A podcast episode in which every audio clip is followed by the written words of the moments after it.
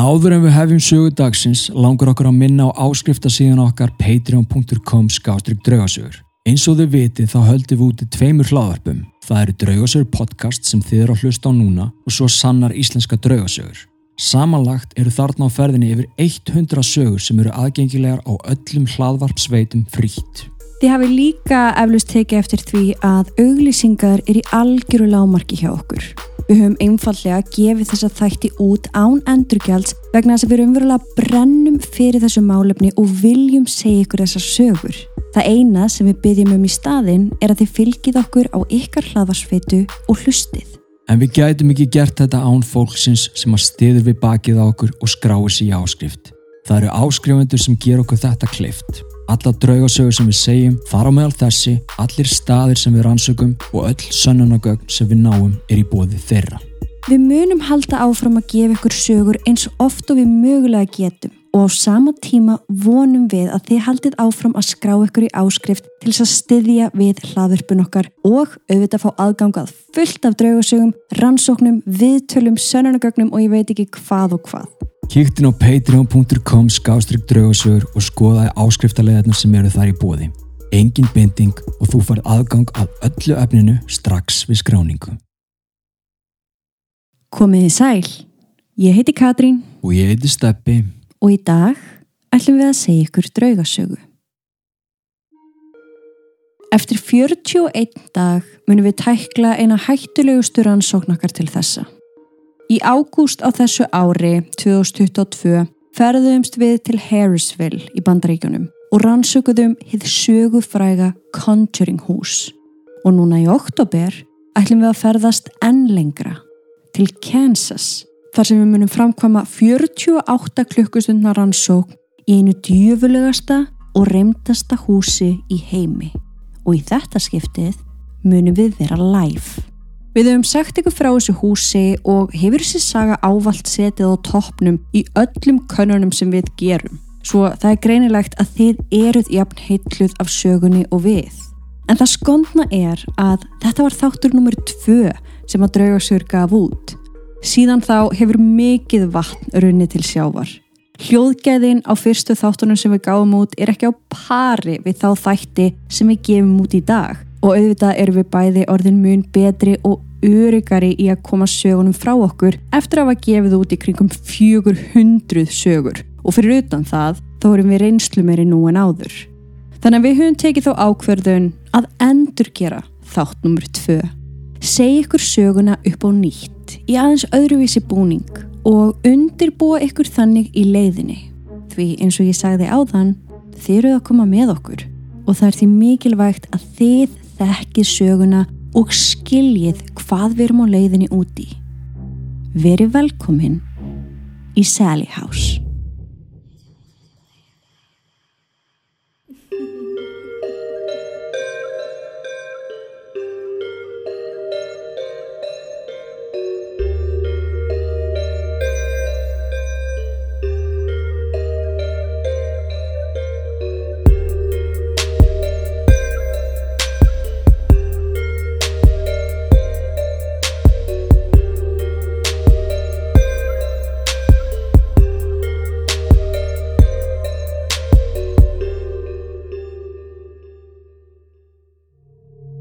Við viljum minna á að draugarsögurnar okkar eru ekki við hæfi barna yngri en 13 ára nema með leifi fullorna. Og með því hefjum við sögu dagsins.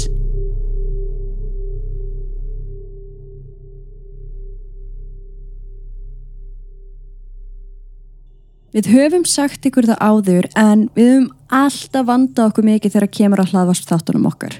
Við höfum meiri segja hægt við að gefa út þætti sem voru tilbúnir sem okkur fannst ekki nægilega góðir.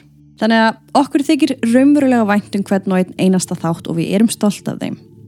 En Sally House er rosalega stór og mikil saga og þetta verður án Eva einn erfiðasta og hættulegasta rannsók sem við höfum farið í. Þess vegna finnst okkur mikilvægt að það rifja söguna aftur upp. Við erum ekki með handritið af gamla þættinum okkar því það fóst með gamalli tölvu sem ákvaða að gefa böndina fyrir nokkrum árum síðan. Þannig að þessi þáttur verður allt öðruvísin hinn. En við ætlum samt að vinna þannig að þið munum fá allar þær upplýsingar sem við þurfið í dag og því ekki nöðsilegt að hlusta á þátt tvö aftur nema ykkur bara reynlega langi til þess. Algjörlega. Ég held að sé mikilvægt að við förum fyrst yfir sögu fjölskyldunar sem að bjófið ásóknuna og ofbeldið í tvö ár. Síðan tekur þú aðeins við steppi og þú ætlar að segja okkur frá í rauninni söguhúsins, hverjir bygguðar og hvað gerðist. Já. Við munum tala aðeins um sögursagninnar og líkt og við gerðum fyrir Conjuring-rannsóknina þá gáfum við eitthvað smá heimaverkefni eða þeim sem höfðu áhuga á að þekka söguna bak og fyrir. Við munum gera það sama fyrir þessa rannsókn. Það er bók sem við munum mæla með að þið lesið og sjónvastáttur sem er aðgengilegur á YouTube. Við munum láta linkana fylgja á hvort tveggja. Svo sjáu þið eflaust að við deilum með einhver myndum hér í dag sem við munum aðeins fara yfir og svo í lokin væri gaman að spjalla um munin á þessum stóru rannsóknum. Sem sagt Conjuring húsinu og núna Sally húsinu. Af því þetta eru tvö söguleg hús, tvær risastóra rannsóknir en á sama tíma er þetta alveg tvent gjör ólíkt. Við ætlum að byrja sögun okkar á Pickman hjónunum.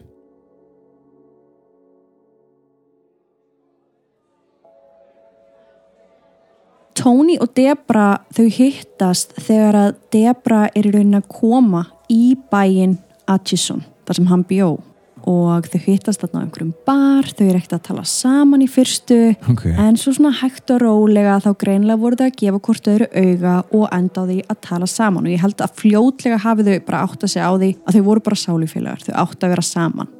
Þau ætla að gifta sig og eru að plana það nema hvað að hún verður ófrísk og það kominu svolítið óvart af því að hún hafði ekki geta orðið ófrísk með fyrirverandi mannunum sínum. Að svoleiðis. Já, þannig að hún verður þarna ófrísk og þau bara herðu, ok, við verðum bara að gifta okkur sem fyrst, við Já, verðum bara að gifta okkur núna.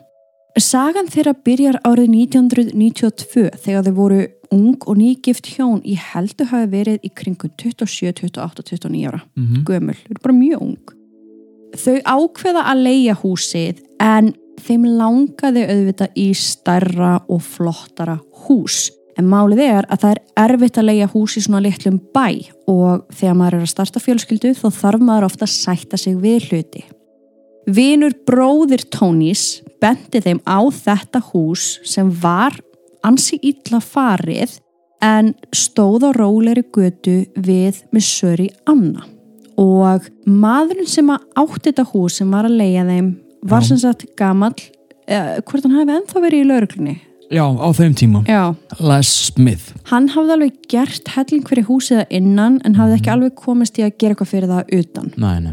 En það sem að þau taka eftir í rauninni allra fyrst er að húsið þeirra virtist einhvern veginn vera lægra heldur en öll hinn húsin í götunni og það er af því að þetta er eina húsi sem er ekki byggt á jafnsléttu. Þetta Já. er byggt í einhverju svona smá, Brekku. smá brekku, smá hólu og beint fyrir utan það er þetta tré þannig að þetta er svo litið dimmt, það er ekki að koma mikið ljós þarna inn en ég meina þetta var allavega alveg nógu mikið pláss fyrir þau Mhm. og eins og ég sagði við þig áðan maður þurfti að þekkja mann sem þekkti mann sem að vissum húsnæði, það var erfitt að fá húsnæði þannig að þau taka þetta Já. Og þetta hús er eins og þú segir á róleri götu. Þau eru öll frekar svona þjætt upp við hvort annað. Þau eru öll mjög svipuð. Þetta hús ger sig ekki þannig séð úr. og þú fannst teikningar af húsinu. Já. þannig að við ætlum að láta þær fylgja með sögunni. Kíkið endilega á þar þannig að þið áttið ykkur hvernig húsið er uppsett en bara til þess að fara mjög hrætt yfir það. Þá er það á þremur hæðum. Það er kjallari, það er aðalhæðin og svo er efri hæðin. þú lappar inn og beintamótið er vinstramegin er stíu, svolítið þröngur stíu upp þegar maður lappar upp stígan að þá beint eiginlega á vinstri hönd er barnaherbergið beint á móti stíganum er baðherbergið Mm Þar við hliðin á er í rauninu aukaherbergi sem þau voru ekki endilega að nota og þar við hliðin á er síðan hjónaherbergi. Þetta er ekki stór hæð, þetta er, Nei, þetta er pínu lítið. þetta er pínu lítið og þetta er eiginlega bara herbergi ofan í herbergi. En uh, þetta var nógum pláss fyrir þau. Á aðalhæðinni sem þú lappar inn ef þú ferð ekki upp stegan, þá lappar til hægri. Þar tekur stofan við. Þar tekur stofan við, þar sem eru sófar, þar beint eiginlega við hliðin á er síðan bara svona einhvers konar borðstofa og síðan er eldúsið inn af því. Kjallarinn er eiginlega bara kjallari. Kíkiði endilega á þessar teikningar þannig að þið séuð alveg með þetta. Það er alveg skemmtilegt að hafa þetta líka til hliðsunar á meðan þið hlustið á söguna og líka áður en við förum í rannsóknina sjálfa. Mm Þau fengu í rauninni ekki að lifa neitt eðlilegu lífið þarna lengi. Ég meina þau eru að flytja þarna inn um áramótin og Valentínusdagurinn 14. februar árið 1993 var eiginlega seinasta eðlilega kvöldmáltíðin þeirra saman. Af því að ljósin í stofunni voru alltaf að blikka. Byrjuði á því að vera dimm og síðan eruðu þau björt og alveg rosalega björt eins og einhver var að nota dimmerinn sem að var ekki í húsinu Ah, það var bara taki já, já.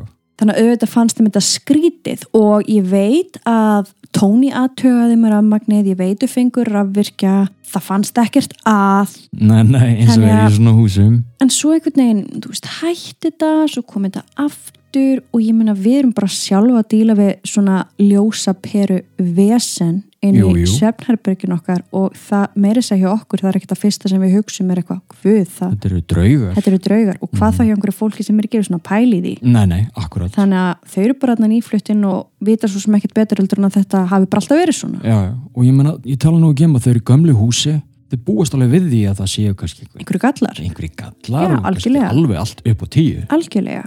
Nema hvað, þau voru náttúrulega rosalega spennt. Þau voru frá eignast innan dreng, hún er kass ólétt og hún var búin að vera rosalega spennt að gera barnaherbergið, nema hvað að hún er svo hugmyndasnöð og Tóni líka. Einhvern veginn standa bara við herbergið og hugsa, veist, hvað ég að gera, í hvað þema ég að hafa hvað liti ég að hafa. Og það einhvern veginn gekk aldrei neitt þannig að Mm, það dag eftir vantaði bara alla framtagsemi í þau. já, dag eftir dag þá bara var barnaherbergið tómt og þau einhvern veginn gerðu aldrei neitt. En það voru ekki bara þau tvö það voru þarna þrýr kettir sem að fylgdu þeim og hundurinn Sasha sem var ótrúlega vinaleg og barngóð. Þegar að Tony var síðan ég man ekki hvort það var um helgi hann er semst að þvælast þarna upp í- barnaherbergi og ætla sko aldrei að fara að taka til hendinni og hann Já. tekur semst hundin með sér. Nema Sasha hún neytar að fara inn í barnaherbergið og hún stendur bara, hún geltir og hún urrar og hún gefur frá sér skrítin hljóð og síðan hörfar hún burt og Tony hugsa með sér bara hvað er, Hvað hvað er hundurinn að upplifa? Mhm. og hann reynir öll triksin í bókinni til þess að henni inn í barnaherbergið. En að loka hann bara ok, þú veist, ef þú vilt ekki koma inn ekki koma inn. Og hann held áfram að gera það sem að hann ætlaði að gera. Þetta gekk svona í einhverja daga þanga til eftir viku að þá hætti þetta algjörlega og Sasha gætt alveg gengið inn í barnaherbergið. og kenningin er sem sagt að Sasha hafi þarna séð einhvern inn í barnaherberginu sem að hún hafi talið vera ógnandi. Mhm, Einhver hættulegur. einhver hættulegur nema hvað að þegar hún sér aldrei eigendur sína bregðast neitt við eigendurnir eru alltaf rólir þó Já, að þessi aðili eða hvað sem hún sá var hann inni þá lærði Sasha það að þarna var greinlega ekki ógn Já, skilur að því. Deb og Tony voru aldrei að gera neitt nei, nei, þannig eftir þessa viku þá var hún bara heyrðið ok, kannski er þetta bara eitthvað sem á að vera hérna kannski er þetta bara allt í lagi. Mhm. 27. júni árið 1993 fætist Taylor Jacob. Það var ímislegt að gerast þarna. Við erum ennþá að tala um ljósin en þarna byrjuðu þau að taka eftir því að símasambandi heima hjá þeim var nánast ekkert. Já, Eðlilega að fólk að ringi þau, þau voru að ringi fólk, ég meina nýtt barn komið og þetta var bara stanslöstu vesen. Þau bara náðu ekki sambandið þetta inn í á sig sem hafði aldrei verið vesen þannig að það var pínu skrítið að það kom allt í einu. já, undarlegt. Mm Og þau hafa væntalega látið kíkja á það og tjekka á því sem leyendur líka. Já, eflaust. Það er ekkert sérstaklega tekið fram. Nei, nei, Ég held líka að þau hafi kannski bara verið ótrúlega upptekið með, litla barni og allt sem var að gerast þar. En þetta var samt þannig að þetta svona hafðalega áhrif á þau. Það er erfitt að geta ekki talað í síman. Taylor, hann let líka rosalega illa. Það voru einhvern veginn allir ósopnir. Það voru allir þreyttir og Já.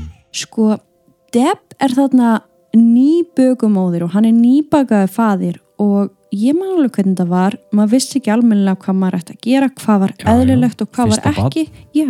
og sömulegist þá náttúrulega setur þú rosalega kröfu á þig bara heyrðu þú veist, barnið mitt árugl ekki að láta svona, ég menn það Mhm. er öruglega ekki eðlilegt að hann sé að gráta svona mikið Streitan er gríðaleg. Já, þú ert rosa mikið að hugsa mikið í gangi hjá þeim báðum þannig að þegar að Karen sýstrunar Deb býðist til þess að koma, hún sjálf hafði eignast batt fyrir átjá mánuðum síðan hún var sjálf nýbúin að gangi gegnum Ah. þetta þannig að hún býðist til þess að koma og vera bara á smá batnavakt, bara þannig að þau Ok. gætu aðeins fengið að sofa Þannig að þegar Karin kemur að þá færa þau vögguna sem að Taylor svaf í, þau Mhm. færa hana niður. Þannig að Karin sefur á neðri hæðinni. Ok, með bara í stofunni. bara í stofunni með vögguna og er í raun alltaf að taka nætuvaktina og meðan Deb og Tony sofa upp í hjónaherbergi og þetta bjargaði þeim algjörlega. Loksins náðu þau að sofa.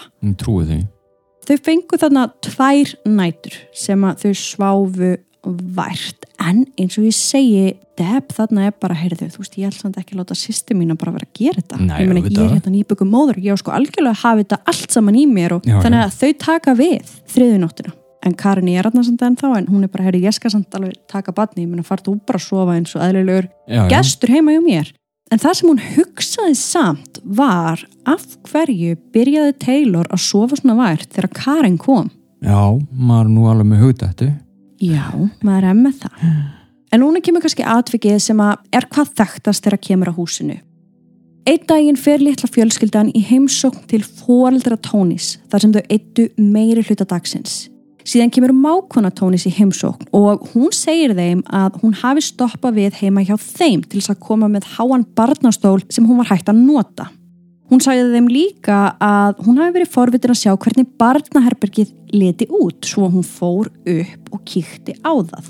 Það var semst ólæst heima hjá þeim þannig að hún bara fór inn Gengur og, inn. Já, hún var bara að gera góðverk, kom með hennar stól. já, já, Sko, Tony og Deb fannst ekkert að því en þau skildu ekki alveg af hverju mákonan Jean var svona stressuð og hún virtist vera með samviskubit yfir því að hafa verið að þvælast inn á heimilinu þeirra. Upp úr tíu þetta kvöldið fóruðu síðan heim. Taylor var sofandi þannig að þau heldu á honum inn. Tony hoppaði upp til þess að nota baðherbergið en þegar hann kom aftur niður spyr hann Deb hverju hún hafi fært alla bánsana til í barnaherberginu á gólfið. Hún hafði verið að endur að það í herberginu hans um morgunin en hún hafði ekki sett neina bánsa á gólfið. Þrjú faraðu upp, Karen, Tony og Deb til þess að aðtuga með bánsana og þar sáu þau alla bánsana í ring á gólfinu. Og það fyrsta sem þeim datt í hug var að einhver væri að stríða þeim.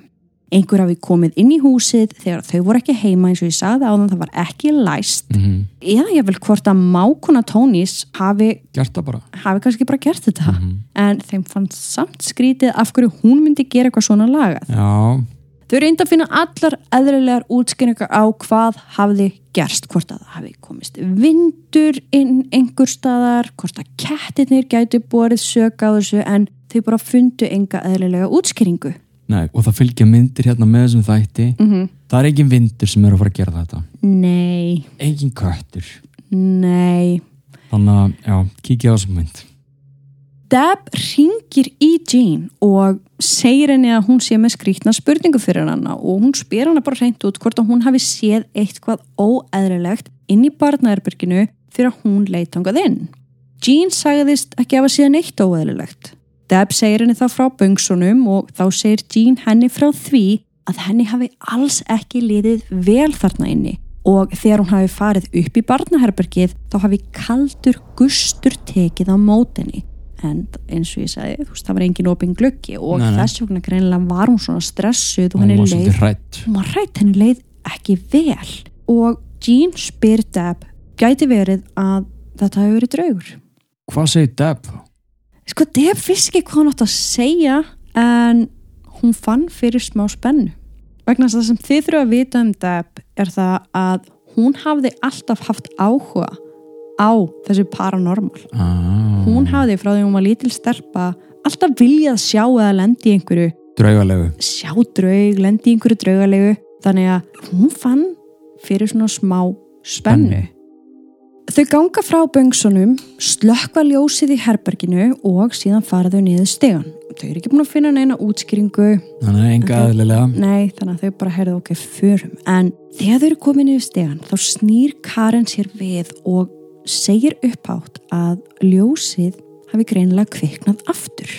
Það sem bánsarnir voru mm Mhm. sjálfur sér. Þarna urðu þau raunverulega hrætt Já. og þau ákváðu að vera bara þétt saman. Af því að það kom líka þarna smá inn í þau að þarna væri bara einhver upp að fela sig. Bara inbróðstjófur já, þarna bara myndi einhver koma og hoppa út bara þegar tækifæri gæfist. Og bara ráðast á það já En þau fara að tala saman og ég get alveg ímynda mér hvernig stemmingin að þeir orðin. Þau eru að lemdi í einhverju sem er rosalega skrítið, þau eru svona smá hlægjandi en samt öll rosalega rætt og Já. Deb segir síðan allt í hennu, já, þú veist, Jean talaði um að kannski væri draugur hérna en ég meina, ef að þetta er draugur og ég meina hún að leika sem er dót, kannski er þetta barnadraugur, segir hún. já, Og Karen tekur undir það og segir já, eða kannski er þetta einhver svona gömul amma já, já. sem er að skemmta barninu ok, þannig að þau voru að finna svona jákvæða við þetta algjörlega en ég veit samt að á þessu augnabliki að þá var Tony ekki alveg með sko af því Nei. að honum fannst þetta ekki spennandi og þá kannski aðeins sem bara svona smá til að bæta við um Tony að þá kemur hann frá rosalega trúari kathólskri fjölskyldu. Mm hann þekkti hið góða og hann þekkti hið illa. Og hann hafði lent í reynslu sem barn. Hann hafði séð einhverja ljóta fígúru, mjóa putta hvíti framan gæjast út úr skápnum í herberginans já, og hverfa síðan. Og hann hefur bara verið hrættur alla tíð síðan og ég skil hann óskup vel já, þetta skilur bara eftir skarði sérstaklega sem litlu barni algjörlega þannig að hann er bara ok, þú veist, hann reynir alveg að hlæja með en þetta er hans saga mm þannig að þið geti ímyndað ykkur hvaðan hann er að koma hann Já, er ekki já. alveg þarna þar sem þær eru hann ekki vita Nei. svona sko.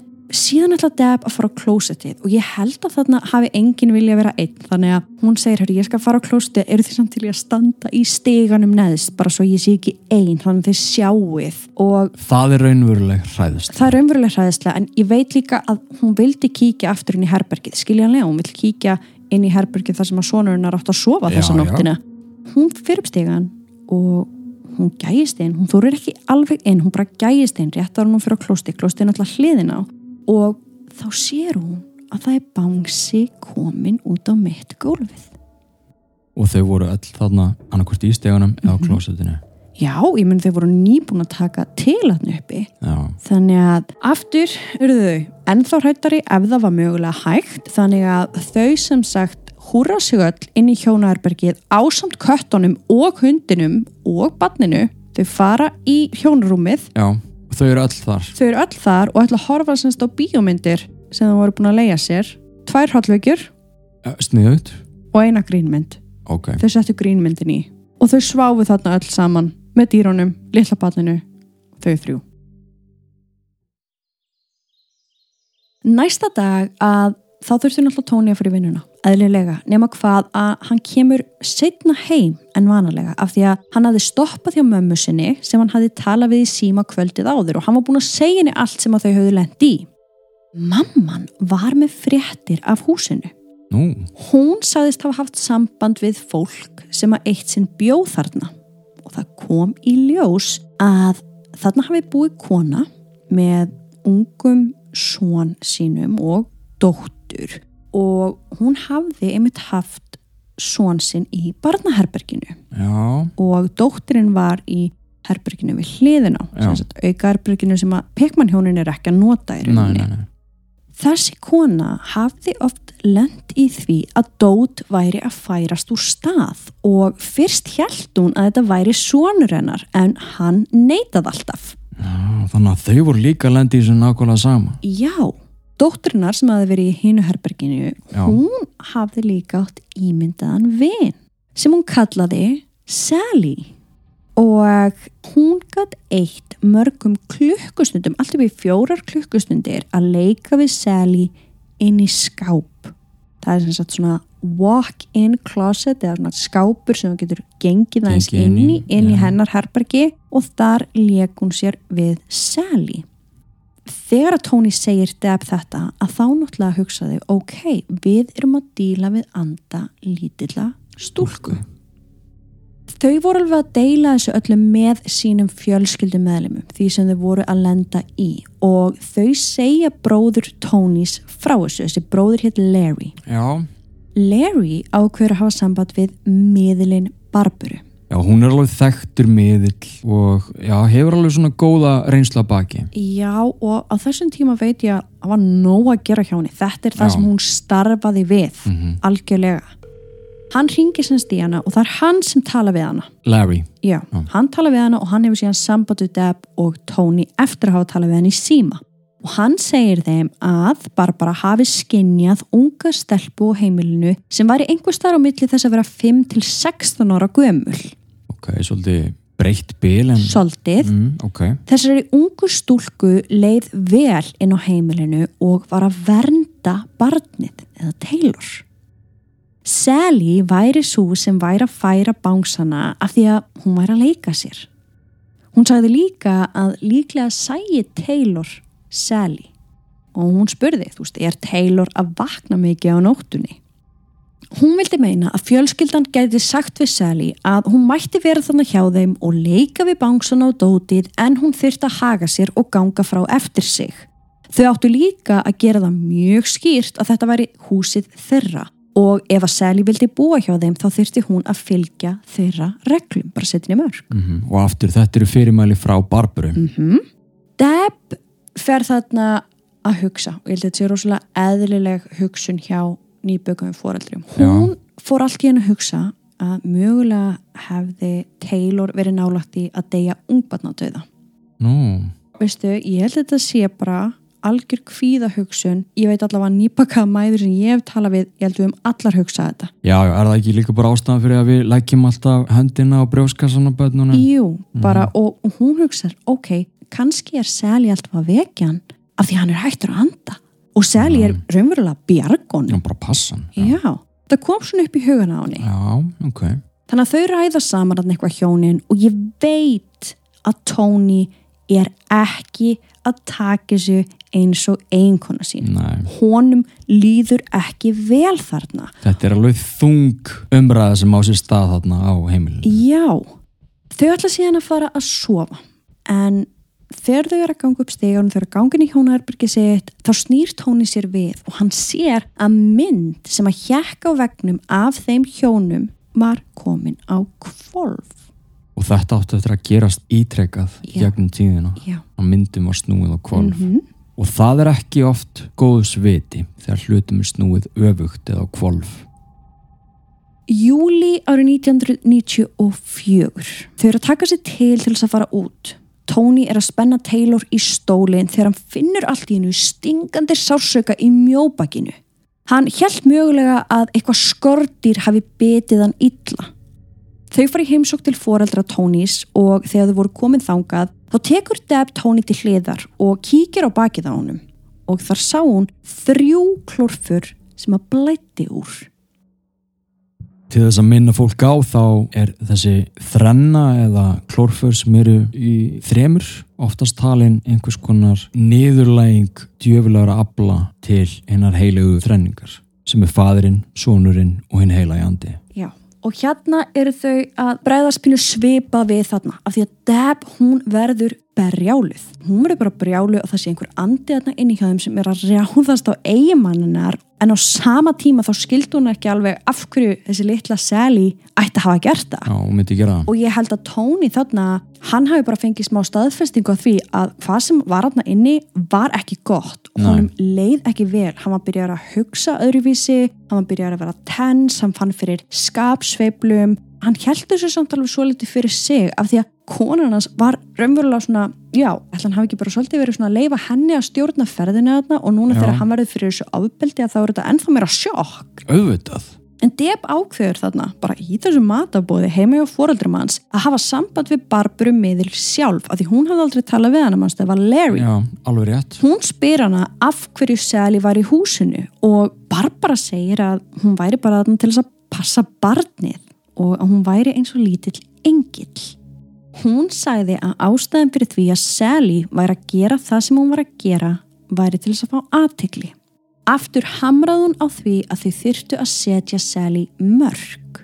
Deb fannst þetta yfirþyrmandi af því að Barbara var eiginlega bara að segja endalust við hana og ég held að við þekkjum þetta alveg pínu sjálf. Við talum við ótrúlega mikið af fólki sem hefur verið að díla við reymleika í húsinu sínu Já, og við getum um að tala og tala og tala því þetta er svona eitthvað eðlilegt fyrir okkur jú, jú. en þetta er rosa erfitt oft fyrir fólk að heyra og þau skilja heldur ekkit almennilega hvað þetta saman Nei, er einmitt. þessi hugtök og Mhm. allt þetta, þannig að henni fannst þetta yfirþyrmandi, þetta var fullt af upplýsingum en hún einhvern veginn fekk út úr þessu símtali að þau ættu að koma fram við Sally eins og hvaðana barn Ok, þú veist maður skilur það að einhverju marki stundum má maður líka bara tala við drauga eins og þeir eru börn maður þarf að endurstaka hluti maður þarf að vera ákveðin og jú, maður þarf að setja mörg Barbara sagði líka að hún heldi að Sally væri ekki að reyna að vera vond.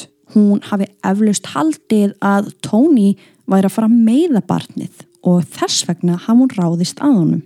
Ok, og aftur þá eru þetta bara skoðanir eða tilfinningar sem að Barbara finnur Já, og hún segir Deb líka að það þurfa að tala alvarlega við Sally og að þegar hún kemi heim þá ætti hún að kalla til hennar alveg eins og hún myndi kalla á lifandi barn og segja henni að gefa henni nokkra mínútur til þess að koma. Hún ætti að segja henni að hún væri reið og að það sem hún hafi gert væri ránt.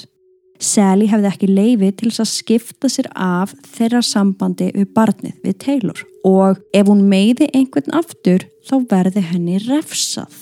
Ó, hvernig refsa maður draug?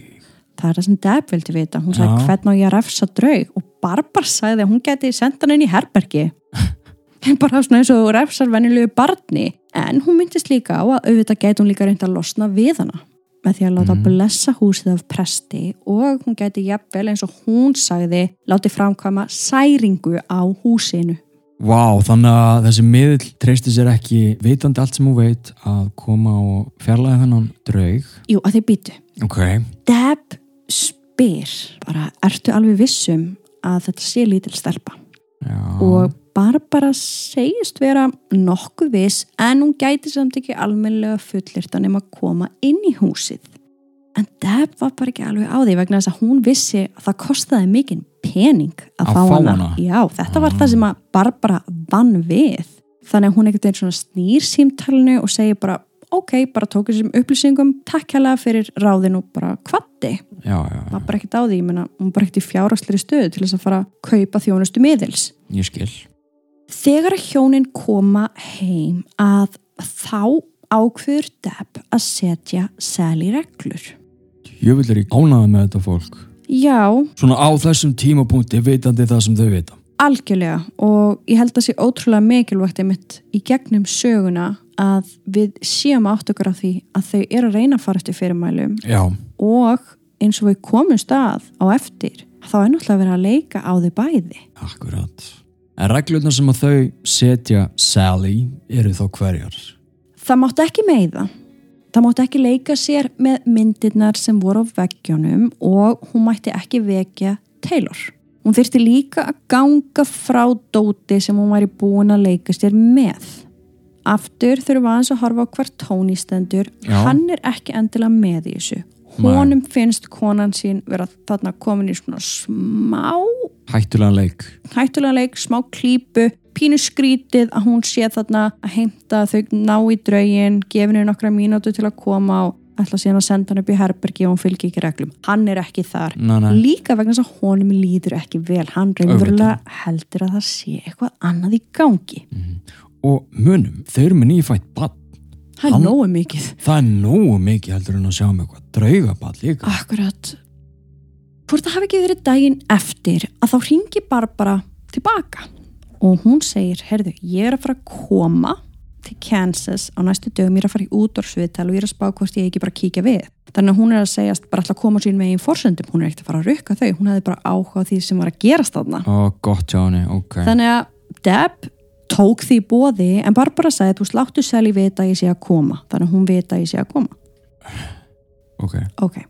Deb gerir það ásandi sko að skilja eftir blöð og vaksliti fyrir hana. Hún er að reyna að tala við hana, hún er að reyna að koma fram með þetta eins og bad eins og og hún segir, þú veist, heyrðu, við erum að fara að fá barbröingað, hún er að fara að koma, ég ætla að setja út þessa liti hérna og þetta blað fyrir þig í barnaherberginu í einu horninu. Mm og það væri bara geggjað ef þú getur kannski teikna mynd eða ef þú vilt skrifa einhver skilabóð til minn, ég get líka hengt myndin á ískápin.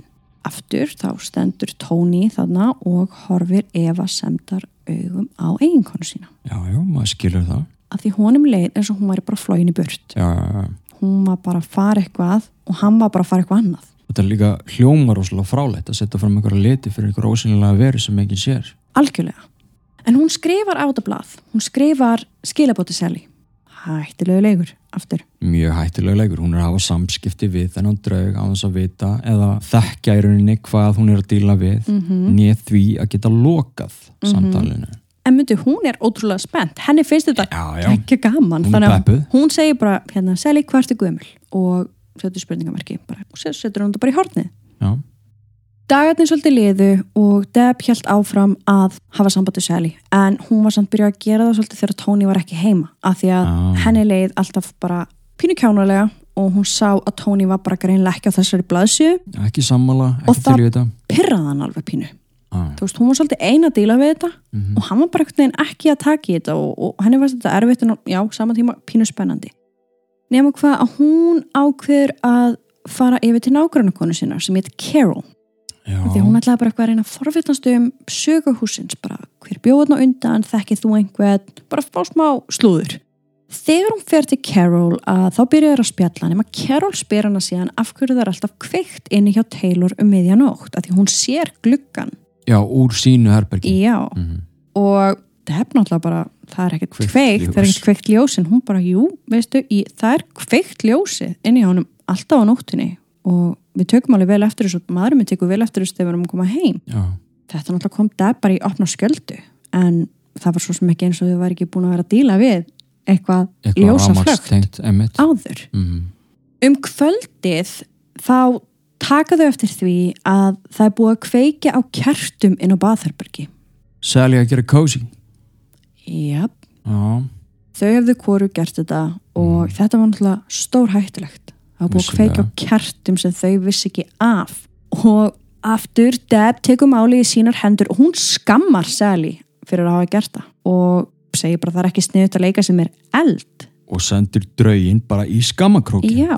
Ragleðis á meðan þau eru síðan að býða eftir að Barbara komi að þá ég veit ekki hver átti þessa hugmynd eflaust Deb, mögulega var Tony samt eitthvað örlítið forviðin að það líka þau byrja að taka rosa mikið af myndum og það byrja að taka rosa mikið af ljósmyndum og það eru myndir sem er eftir að fylgja þessari sögu, við fyrir kannski aðeins betur út eða og eftir. Já, algjörlega. En þau eru semst að gera þetta þangað til miðlinn kemur klukkan hálf nýju að kvöldu til með systur sinni. Ok, Barbara er svolítið að segja bara aftur það sama og hún hafði sagt. Hún er svolítið svona tilbaka hún er ekkert endilega að tala við þau hjónin. Hún gengur um í svona smá trans ástandi hún talar um að fá tannpínu og verk í höndina og hún segir að Sally hafi eflust fundið það líka þegar hún dó. Ok. Það sem hún gerir líka er hún skiptur um rödd það er eins og miðillin sé að koma stundum með skilaboð frá Sally og stundum eins og hún breytist í Sally og byrjar að tala eins og lítið barn. Jú, ok, sem var mjög skrítið og ég veit að. Tony hann var bara ok, hvað er við komin úti og hver er þessi kona? Hvað er í gangi? En hún er mitt segir við Deb að Sally finnist hún vera svo litið stjórnsum Deb þá Já, Sally finnst Deb vera orðin svolítið stjórnsum með öllum þessum reglum ah, og hinn og þessu. Tony kemur síðan þetta fram og segir að hann hafi dreymt Sally já, og að hann hafi teiknað mynd af henni sem hann síndi miðlunum. Hann hafi séð hana og á myndinni var Sally klætt í bláan kjól og var með rauðbrúnt hár og Barbara staðfestir að þetta væri mjög líkt henni. já og Tony er mjög fær teiknari og Mjög hann á að fær. teikna mjög vel eftir minni Já, en þarna verðum við líka átt að gráða að þarna er konir draumar hjá Já. honum mm sem að hann er kannski ekkit endilega að tala um en hann er að fá skrítn drauma það er eitthvað að gerast Mhm. í hans huga. Og aftur þá er gott að minna á að draumar eru beintengdir draugagangi. En svo er henni endar hún þetta bara á því að segja allt gott að blessa þeir eru bara með auka barn á heimilinu sem þið þurfum svolítið að hugsa um. Já, en eftir heimsóknina þá var búið að krota tölustafinn sjö á blaðið sem hún skildi eftir uppi mannstu mm sjö með grænum lit og það var búið að færa bánsa frá hillunni að hornin hennar Sally. Þannig að þarna var hún komin líka með eitthvað ákveðin stað, Mhm. ekki nóg með það heldur var hún búin að króta á blaðið. Já, og ég með myndaði. Já, þetta er rugg. Endilega kíkið á þetta. Mm -hmm. Og Deb byrjaði bara að vera í stanslöðsum samskiptum við hana, það ekki? Jú, dagarnir bara liðu, Tony fór í vinnuna, hann var að finna þetta nætuvakt, Já, þannig að hann var alltaf að reyna að sofa daginn, það gekk rosalega illa og þetta var bara það sem að Deb fór að gera, hún fór bara að reyna að vera í stanslausum samskiptum við Sally og hún ætlaði bara að elska Sally og hún sagðist að elska Sally og hún vildi bara henni liði eins og hún væri heima hjá sér en að bara áhugavert að vita hún fekk aldrei aftur svör sagt skriflegt Já þetta var eina skiptið, Eina þessi skiptið. sjö. Mhm. Áhugavert. eins og þú segir þá var hún komin að þetta með horn í herberginu hjá Taylor og það er komið eitthvað móðuröðli í hana Deb Já, og hún vil gefa henni dúkku og það var einhver dúkka þarna inn í á Taylor eitthvað svona skítu þannig að hún segir við Sally ef ekki setja henni í bað og hún setur dúkkun í bað þrýfur hana, setur hann örgli í hrein föt, eitthvað svoleiðis og setur dúkkuna sín í horni á Sally. Bara þetta er þín dúkka, ég vona á sérst ána með hana. Úf, og ok. hún smellir af mynd. Og þetta er einu rosalasta mynd sem ég hef séð. Já, þetta er svolítið hryllilegt og það er greinilegt að myndavélinni er tekin með flassi mm -hmm. að því það er líst upp það sem er á móti myndavélinni en á miðri myndinni er bara resastór skuggi kolsvartur. Risastór skuggi sem einhvern veginn tegir sig upp og yfir dúkkuna og maður sér dúkkuna þarna í byðjunni og svo er eitthvað þarna blátt sem að teku við. Og ég ætla bara að stinga því hérna inn í að ég veit að Barbara Miðil sá þessa mynd og hún segir að jú, þarna greinlega voru einhverju tveir andar á ferð en að Sally hafi kannski mögulega verið þessi blái að reyna að taka hitt í burtu ok, ég veit ekkert mikið meira um þetta það er ekkert mikið, bara almennt ekkert vita meira um þetta. Næ, næ, en ég meina ég held að þetta er svolítið svona wake up call ef ég leiði mér að sletta. Ekkert smá. Þegar þau framkvölduðu myndirnar. Já, en það er eins og Depp veginn aldrei kift sér upp við þetta. Hún var aldrei hrætt, henni leið aldrei illa. Hún var alltaf bara ótrúlega spennt og glöð og vildi meira og vildi tala meira við Sally og vildi gera meira fyrir hana. Hún var að byrja að byrja Sally um að passa barnið dúkkugjöfin var komin í rimlarúmið hans byrtist þar bara allt í einu. Hún var byrjuð að leifa Sally að koma upp í rúm til sín á kvöldin þegar að Tony var að vinna. En hún veit samt alveg ég var örgulega að ganga of langt. Já, og aftur verðum að muna að það er líka verið að hafa áhrif á hana. Og hennar hugsunar og hennar hugsunar og það er verið að blekja hana svo illa þannig að þetta er ekki endilega það sem hún myndi gera undir eðlilegum kringumstæðum. Nei, hún er ekkert að bjóða draug upp í rúm til sín. Nei, svona, nei, Nei. þetta er bara eitthvað svona móðurlegt eðlega að hún heldur að þetta sé bara pínlítil stelpa sem þarf ást og umhyggju og það er líka búið að segja henni það. Oftar en það. tvisvarsinnum Já, skilur þau mhm, en Tony aftur, hann var ekki að gera þetta. Nei. Og á þessu augnabliki þarna þá er hann byrjar að fá mjög svartar og dökkar hugsanir gagvart konunni sinni.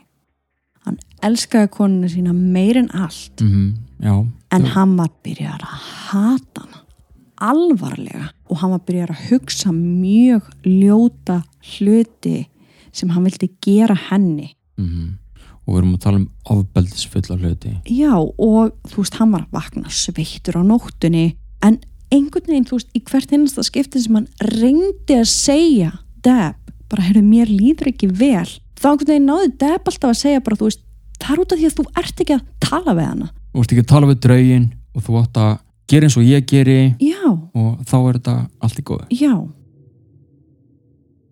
Síðan er það sagan um blessaða þurkaran Já, við ætlum bara að vara við hérna, þetta er smá svona trigger warning. Já, þetta er ekki falli saga en ég meina, við höfum sagt ljótarsögur áður. Já, Deb er semst að fara í vinnuna og hún hleypur nýr í kjallara er að finna sér eitthvað ból finnur bólinn í þvottavílinni greinlega blöytur samt uh, hefur ekki tíma til þess að pæla mikið í því. Hún hendir fötunum í þurkaran sem Já. þau áttu og sem bara hleypur hún upp. Mhm. hún fyrir vinnuna.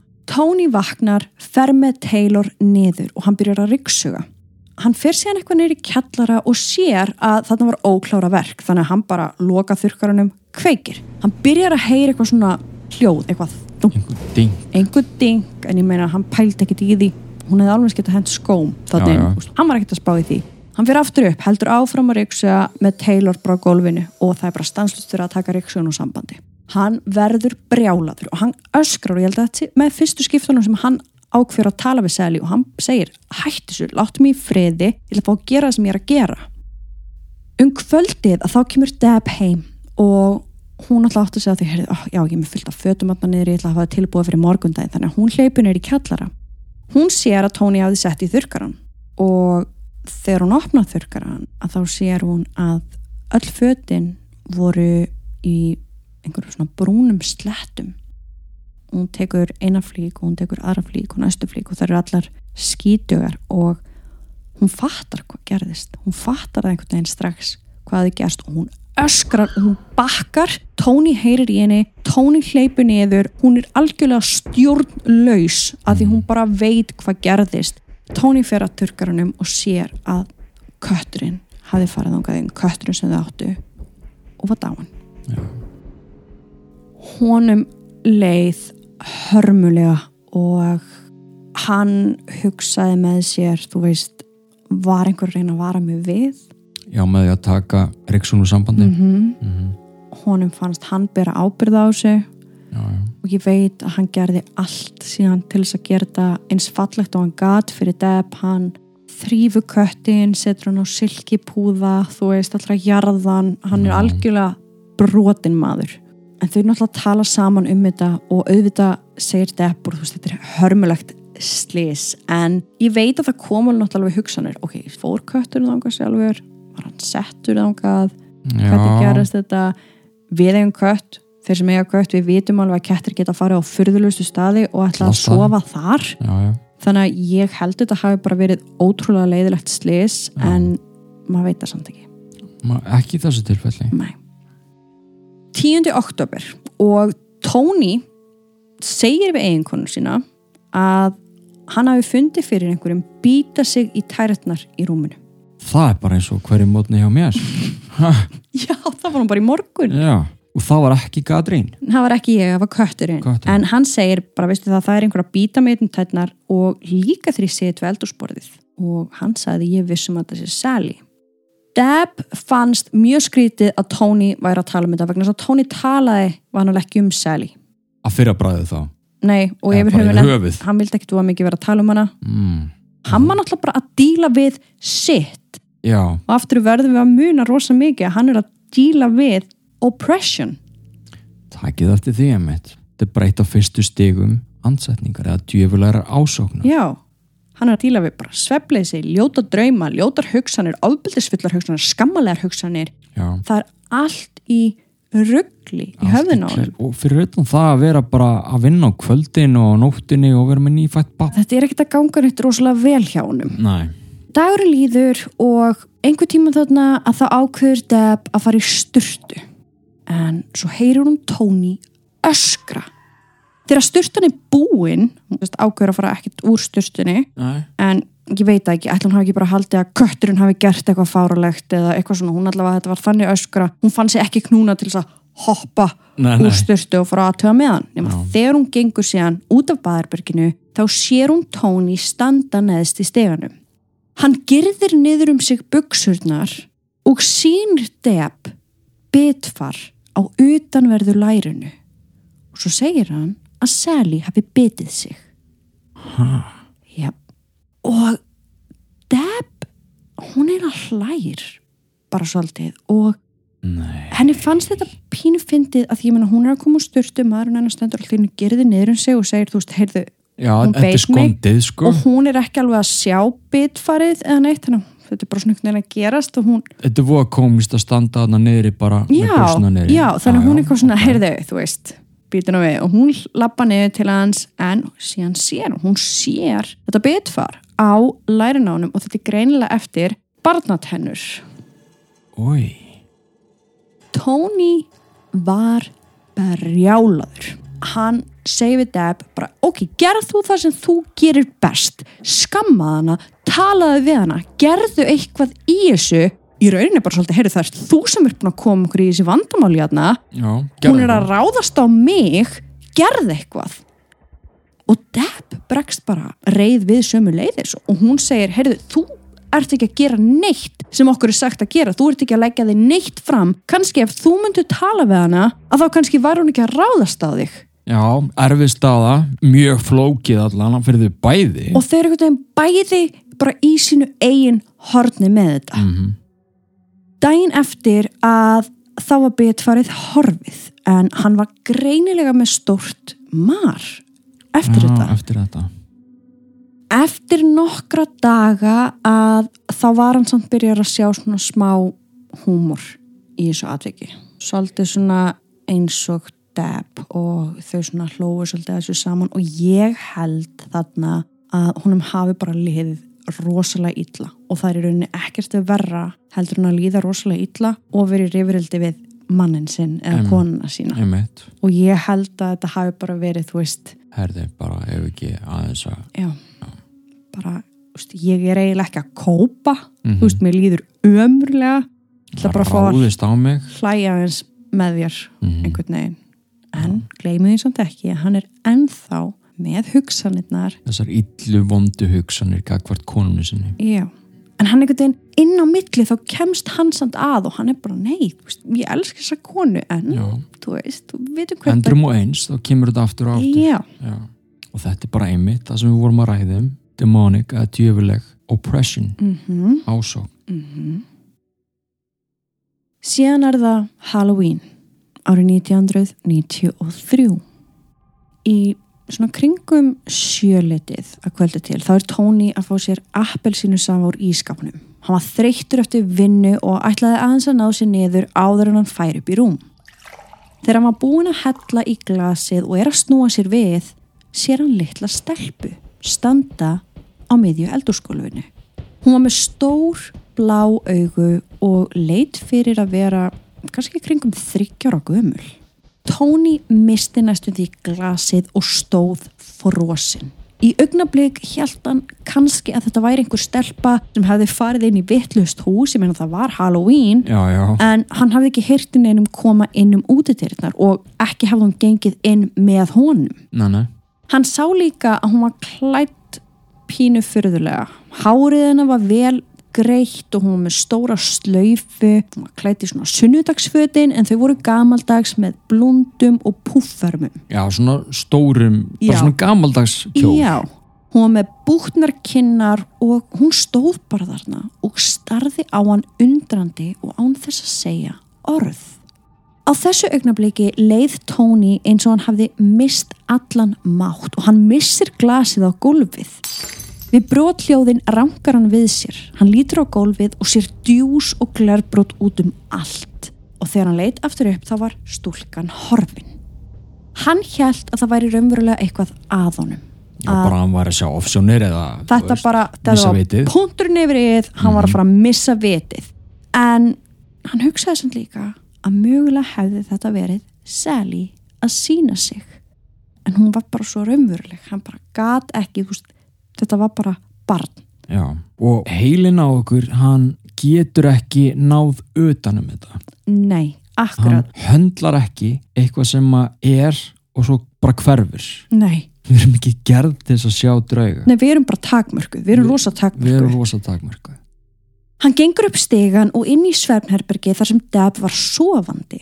Hann vakt hana og saðist hafa séð Sally og á sama tíma missir hann fæturnar undan sér og fellur í gólfið. Hann beður hana svo um að koma með sér niður sem hún gerir. Hann þorði ekki vera einn skildan rekast á hana aftur og það var þarna sem hann teiknar þessa frægu mynd sem þið þekkið eflaust ef þið þekkið söguna þetta er svartkvít mynd, teikning og Mhm. þetta er bara svona einkinandi Sally House myndin Já, og þarna segir hann í fyrsta skipti við Deb ok, hún var bara hún var bara sæt. Já, það var bara lítið bann bara sæt lítil stelpa ég meina hvernig getur hún verið vond? Emitt en Deb hún gæti ekki annað en hugsað af hverju Sally hafi ákveðið að sína sig fyrir Tony en ekki henni. En þegar hún rætti við Barburu um það þá sagði hún að þar sem Deb vissi og væri að ávarpa Sally þá þyrti hún í raunin ekki að sanna sig fyrir henni. Næ, hún þyrst að sanna sig fyrir Tony þannig að það væri í raunin ekkit eðlilegt við það að hún var að byrtast honum frekar en henni. Eftir þessa sín að þá var allt hljótt en það endist bara í viku. Og maður getur rétt ímynda sér að við erum að horfa á þetta bara frá paranormal augum og þetta er bara venjulegur andi þá kannski tekur það upp mikla orku það að sína sig svona skýrt. Já, og á Halloween. Á rækjaföku þegar veggurinn er þunnur. Mm. lífið heldur síðan bara áfram en að gröðu þetta eru bara þarna tvö ár. Ég meina tvö ár er ekkert rosalega lengi að líða þannig að það er rosa mikið að gerast alltaf já. bara í hverju meinasta mánuði og núna voru komin jól.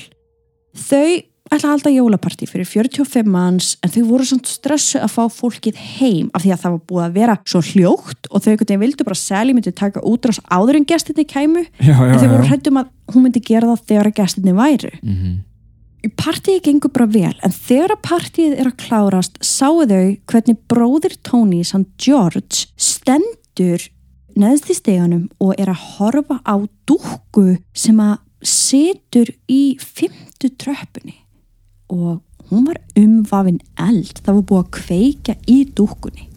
Tony sér þetta, hann hleypur upp stegan, sér að það reykur um alla efrihæðina, hann tekur upp dúkkuna, já, hleypur með dúkkun upp stegan já, til þess að engin gestur myndi sjá hana. Og eldurinn var kraftmikill, hann brennir hendurnar á honum, hann brennir skirtuna ok. sem hann er í.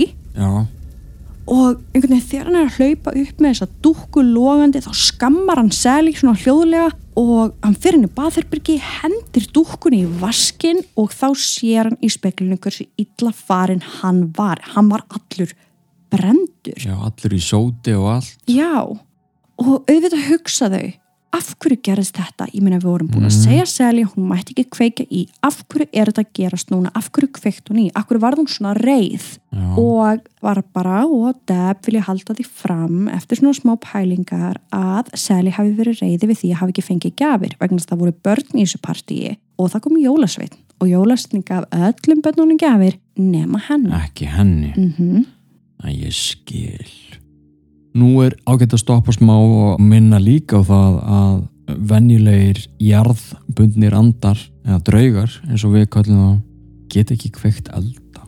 -mm. það er bara annað miklu dekkra og illa. Og þess vegna er ótrúlega skrítið að hugsa til þess að Barbara hafi bara sagt já, ég meina þú veist, er hún ekki bara reyði verið sem gjöfum, það var verið að kveikja eld akkurat. heima hjá þeim. Og þetta er ekki fyrsta skipti sem þessi eldur er kveiktur. Nei. En það eru myndir sem að þið sjáuð sem fylgir þessu jólastúsi hjá þeim. Það er Mm. mynd þar sem að Deb situr við jólatréð og það eru greinilega einhverjar tvær fíkur og sitt hverju megin við hana. Já, þetta eru þau svolítið að gera á þessum tíma. Þau eru rosa mikið að taka myndir og reyna að bara fá sannanir og einhverjar heimildir fyrir því sem var að gerast. Og þegar þú sjá þessa mynd af Deb sitja þarna við jólatrið og sjá greinilega eitthvað tvent þarna hliðin á henni þá byrjaðu átt að segja á því að líklegast væru þarna tveir andar.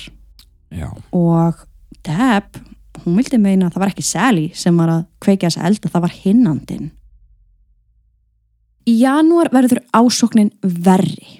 Eina nóttina vaknar Tony við læti frammi Hann fer fram en verður hrættur þegar hann finnur óþægilega nærveru Hann fer inn í svefnherbergið til Deb og reynir að vekja hana en hún svaf fast Hann reyndi að segja henni að það væri einhver inn í herberginu með þeim en hún einhvern veginn muldrar að líklegast væri það bara kettirnir. Hún er ekkert að taka hann alvarlega og það er líka það sem er að gerast hérna. Hann er alltaf að reyna að segja henni og hún segir alltaf, veistu þú veist, þú ert að vinna mikið, þú ert nýbakaðið Mhm. faðir, þú hefur ekkert sofið hún er streyta að láta hann efast um sjálfan sig Mhm. og á endan þá hættur að vilja að tala, á sjálfsögðu, skilur du? maður getur sett sig í þessi spór alltaf að reyna og reyna og reyna þið líður hörmulega og það er ekki hlustað á þig nei. auðvitað ferðu þá bara í þína skél algjörlega, en Tony samt ákveður að reyna þarna og hann segir daginn eftir frá því að hann hafi dreymt draum að einhver hafi tekið utanum úliðin á honum og dreigið hann úr rúminu. Dagurinn leið síðan og Tony byrjaði að finna fyrir óþægindum á úliðanum og daginn eftir þá tekur hann eftir því að hann er með greinilegt far eins og brunafar í kringum úliðina en samt virtist að móta fyrir einhverjum fingrum, mjögulega barnafingrum. Og aftur eftir þetta þá var það hljótt og eins og þú saður á hann örgulega mikil orka sem hefur farið í hérna en munum samt líka djöfulegt afl þarf ekki orku Nei. þarf ekki að taka orku frá hinum og þessum tækjum. Mm ef þeir gera það þá er það bara til þess að ruggla yfir og tröfla þig og emitt fá þess að efast um hluti jarðbundnir andar eða draugar aftur, þeir þurfa orku fyrst og fremst frá svona hlutum og ráftækjum en aðalega orku frá fólki sem að gera okkur þreytt og úrill og alls konar. En einmitt, djöfulegir andar þurfa ekki að sapna upp orku til þess að, ég ætla að lega mér að sletta manifesta sig eða sína sig eða Já. gera eitthvað. Já. Þannig að ég held líka að þú veist það er að gerast eitthvað og þú ferð alveg kannski í gýr bara ok, það er eitthvað að gerast þú veist, ég vil bara vera tilbúið núna og svo gerist ekki neitt í viku þá byrjar að efast um þig þú ert bara að býtu, Svo er líka það einmitt skilur, ég held að Já. til meira einmitt það er bara að vera að ruggla í þeim Mhm. Þau vilja að þú sést alltaf á vartbergi og svo ráðast þau á þig þegar þú átt síst vonað. mm Í februar byrjar Tóni síðan að verða var við kvennmannsanda. Hann er til dæmis eitt skipti var hann sofandi í sófanum, Deb fyrir upp, hún er fyrir styrtu, þegar Deb kemur niður aftur og segir Tóni bara eitthvað takk fyrir að koma með fjastringur að hann. Deb bara, ég kom ekki með fjastringur að hann. Hann situr upp bara, býtu, þú komst með fjastringuna, ég heyrði í þér, þú sagðir við mig, gjörðu svo vel hér í fjastringin og þú rétti mér hana. Nei, sagði hún, ég gerði það ekki. What? Þannig að það kom einhver til hans. Hún er leið hörmulega og þegar hann var í baði, þá var hann stundum með opna hörð, svona smá rif á hörðinu og hann sá konu ganga fram hjá baðarbyrginu, konu sem var ekki konana hans. Og hér er svo litið skrítið að gerast. Hérna, þegar hann segir Deb þetta, þá verður hún afbríðisum. Debra. mm að það sé þannig einhver önnur kona sem er að sína sig honum og aftur þá verður hún pyrruð af því að eiginmaður hennar sem hafði engan áhuga á að sjá draug og var ekki að sína þessum draugum neitt áhuga var núna búin að sjá tvo anda í húsinu En hún hafði ekki sér neitt. nei, hún er búin að reyna allt Já, já, já, og búin að hlýða öllum reglum og gera allt eins og hún ætti að gera. Ég held líka bara að Tóni allt frá barnæsku og þess að veru þarna í fataskáfnum með honum, þá er hann örgulega bara pínu næmur líka. Já. Næst sem við ætlum að tala um, við ætlum ekki að fara með neitt mikið nánur út í það en það er bara, við þurfum samt að minnast á það því þetta er í annars skipti sem hann er klóraður það sem er raunverulega sko klóraðan, hann er búin að lendi í þessu honum í óbakið, Já, munið þarna fyrir utan húsið þegar hann er að setja strákin í bílstólinn. hann er búin að fá förin Já, á úleðunum mhm. og núna fær hann þrjú klórfur á ennið. Og hann tekur ekkert eftir eiginlega sjálfur. Já, þau sem sagt bara sjá það allt í einu. En ég held að vísu að þarna hafa hann verið orðin svo vanur því að verða fyrir einhvers konar áreiti og mm og eins og við töluðum um áðan ég meina hann var man of the house. Já, já, já, konan hans var ekkert hrætt hann var hrættur, ég meina það var svolítið mikið verið að ganga hann, honum leiði ekkert vel með sjálfan segja, Nei, hann væri ræðslupúkin, skilur Nei, þú nei, þannig að hann var kannski ekkert endilega að segja alltaf þegar hann var að lendi í einhverju. En það kemur þetta sterk ilmaslikt sem þau finna líka og á meðan tóni er bara ok, þú veist það er eitthvað mikið að gerast hérna, það er eitthvað alvarlegt að þá er Deb bara ótrúlega spennt. Hún er bara, vá, heyrðu, hún er að sína okkur þessa lykt hún er að sína okkur þessa ilmaslikt sem henni þykir góð og hún bara heldur að sé Sally að reyna að ná til þeirra. Aftur líða átjón dagar allt er rólegt En svo gerist það í mars þegar að Deb er að sauma föt á Taylor og Tony hafði aftur sopnað í sófanum vegna þess að grei maðurinn svaf ekki neitt. það var bara að vera að bögga hann. Alltaf. Þannig að hann er alltaf að dotta í sófanum. Þetta er bara, þetta er ástand. Allt í hennu heyrir hún í honum hlaupa til sín með skelvingasveip og hann sagði að Sally hefði verið hjá honum og að hún hefði setið ofan á honum og ekki leift honum að standa upp. Hann hafi reynt að öskra til Deb en ekkert hljóð kom upp úr honum en svo náðan að kalla til Sally og byggja hana um að hætta þessu og næstu því um leið og hann slefti orðinu þá gatan sest upp. þannig að tala um svepprófalömun Já. sleep paralysis Mm. sumir hafa með þess að séð einhvern ofan á bringuna á sér á meðan þeir geti ekki hreift sig millir svefs og vöku, þeir halda þessi sofandi en þeir ert í rauninu vakandi, þú reynir að kalla anda, Já. gerist ekkert Mm Mér langar hérna til þess að stoppa og minnast á bókina sem ég talaði um áðan. Það er bók til sem að Deb skrifaði og hún er að skrifa þetta svolítið frá sinni upplifin og svo tekur hún aðeins upplifin tóni í endan og svo bara í rauninni hvernig þetta enda allt saman hjá henni. Þetta er 300 blaðsina bók, ég er búin að lesa hana, hún er svolítið auðlesin, hún er skemmtileg, hún er áhugaverð fyrir ykkur lestranörtana sem að hafið áhuga. Við setjum link á þessa bók þannig að þið getið fundið hana mm -hmm. Það geti pantað hana á Amazon eða þá bara gegnum Kindle Já, Það eru fengið hana í margir sem eru Kindle. með svona Kindle bók ég mæli algjörlega með að þið lesið hana þið þurfið þess að sjálfsögðu ekki en það er ótrúlega, ég er ekkert að taka allt fyrir í þessari bók af því að þetta er bara stanslust aftur og aftur og aftur og aftur bara næsta atvik mm -hmm. en þið áttið ykkur svolítið á því ég meni þegar við hlusta á marga draugasur þið vitið eflust bara að þau eru bara stanslust að lenda aftur og aftur í einhverju bara daglegt brauð hjá þeim En Deb ringir sem sagt í Barbaru þarna á einhverjum tíma og Barbara segir við hana já ég finna ennþá fyrir Sally en það er einhver önnur kona þarna líka. Hún er með ljóst hár í eldri kantinum og hún segir að þessi kona sé að reyna að fá Sally til þess að koma með sér en Sally vill ekki fara. áhugaverst Mm. Þau fara síðan í frí, þau fara út úr húsinu, taka sér smá frí, þegar þau snúa tilbaka, þá er einhvern veginn ekkert að frétta og það lítur eiginlega út eins og Sally sé farin. Og Deb áttar sig á að hún er sorgmætt, hún er reið, hún er sár og henni leið illa. Henni fannst eins og að væri eitthvað tóma rúm inn í sér. Og út af þessu tilfinningaflóði þá hafði hún rosalega mikið inn í sér og hún þurfti að kenna einhverjum um. Og hún letið þetta alveg bitna á eigimannu sínum og sinni sínum að einhverju leiti, ég meina hún var bara skapstig henni leið illa. En eftir einhverjar vikur þá sátu þau hjónin við borðið þarna neðri hæðinni inn í borðstofunni og þau byrja að sjá eitthvað sem þau könnuðust við. Og það er sem sagt að þetta er svona gamaldagt ljós og í svona ljósi þá hangir spotti. Og þessi spotti hafði oft farið á flegi ferð og þau tengdu alltaf henn á spotta við Sally. Og það var búið að vera hljótt í marga marga daga en þau sjá spottan byrja að reyfast og þá allt í hennu var Deb rosalega ánægt af því að hún vissi að Sally væri komið tilbaka en hún hafði margar spurningar og skildi ekki af hverju Sally hefði yfir höfuð yfirgefið þau. Hún bara reyð út í hana en hún var samt á sama tíma heimins í lifandi að vita af Sally og áður en þau vissu af þá var hún byrjað að haga sér eins og venjulega bara eins og hún hefði alltaf verið þarna. Ok, nema það sem kannski breytist aðeins þarna er að sonur þeirra Taylor sem var þarna að verða einsás hann var allt í einu sturlað hrættur við einn af sínum uppáhalds böngsum hann bara vildi ekki sjá hann að bánsa hann bara, hann var algjörlega móðusjúkur og það endaði því að það þurfti að hendunum þessi bánsa bara koma hann út ok. þetta var bara þannig að hann mátti ekki sjá hann en eftir þetta samt þótti Taylor mjög erfitt með svepp Mhm. og vaknaði mörgusunum á nóttinu öskrandi. Þarna fann Deb fyrir reyði af því að hún vildi ekki að andarnir væru að hræða Taylor. Hann langaði til þess að skamma Sally en á sama tíma þá var hún ekki vissum að þetta væri hún sem bæri ábyrð á þessu.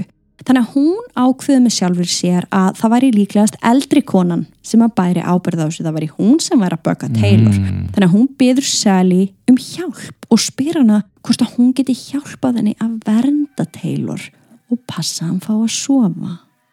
ó nei Þann 27. júni átti Taylor síðan einsás ammali.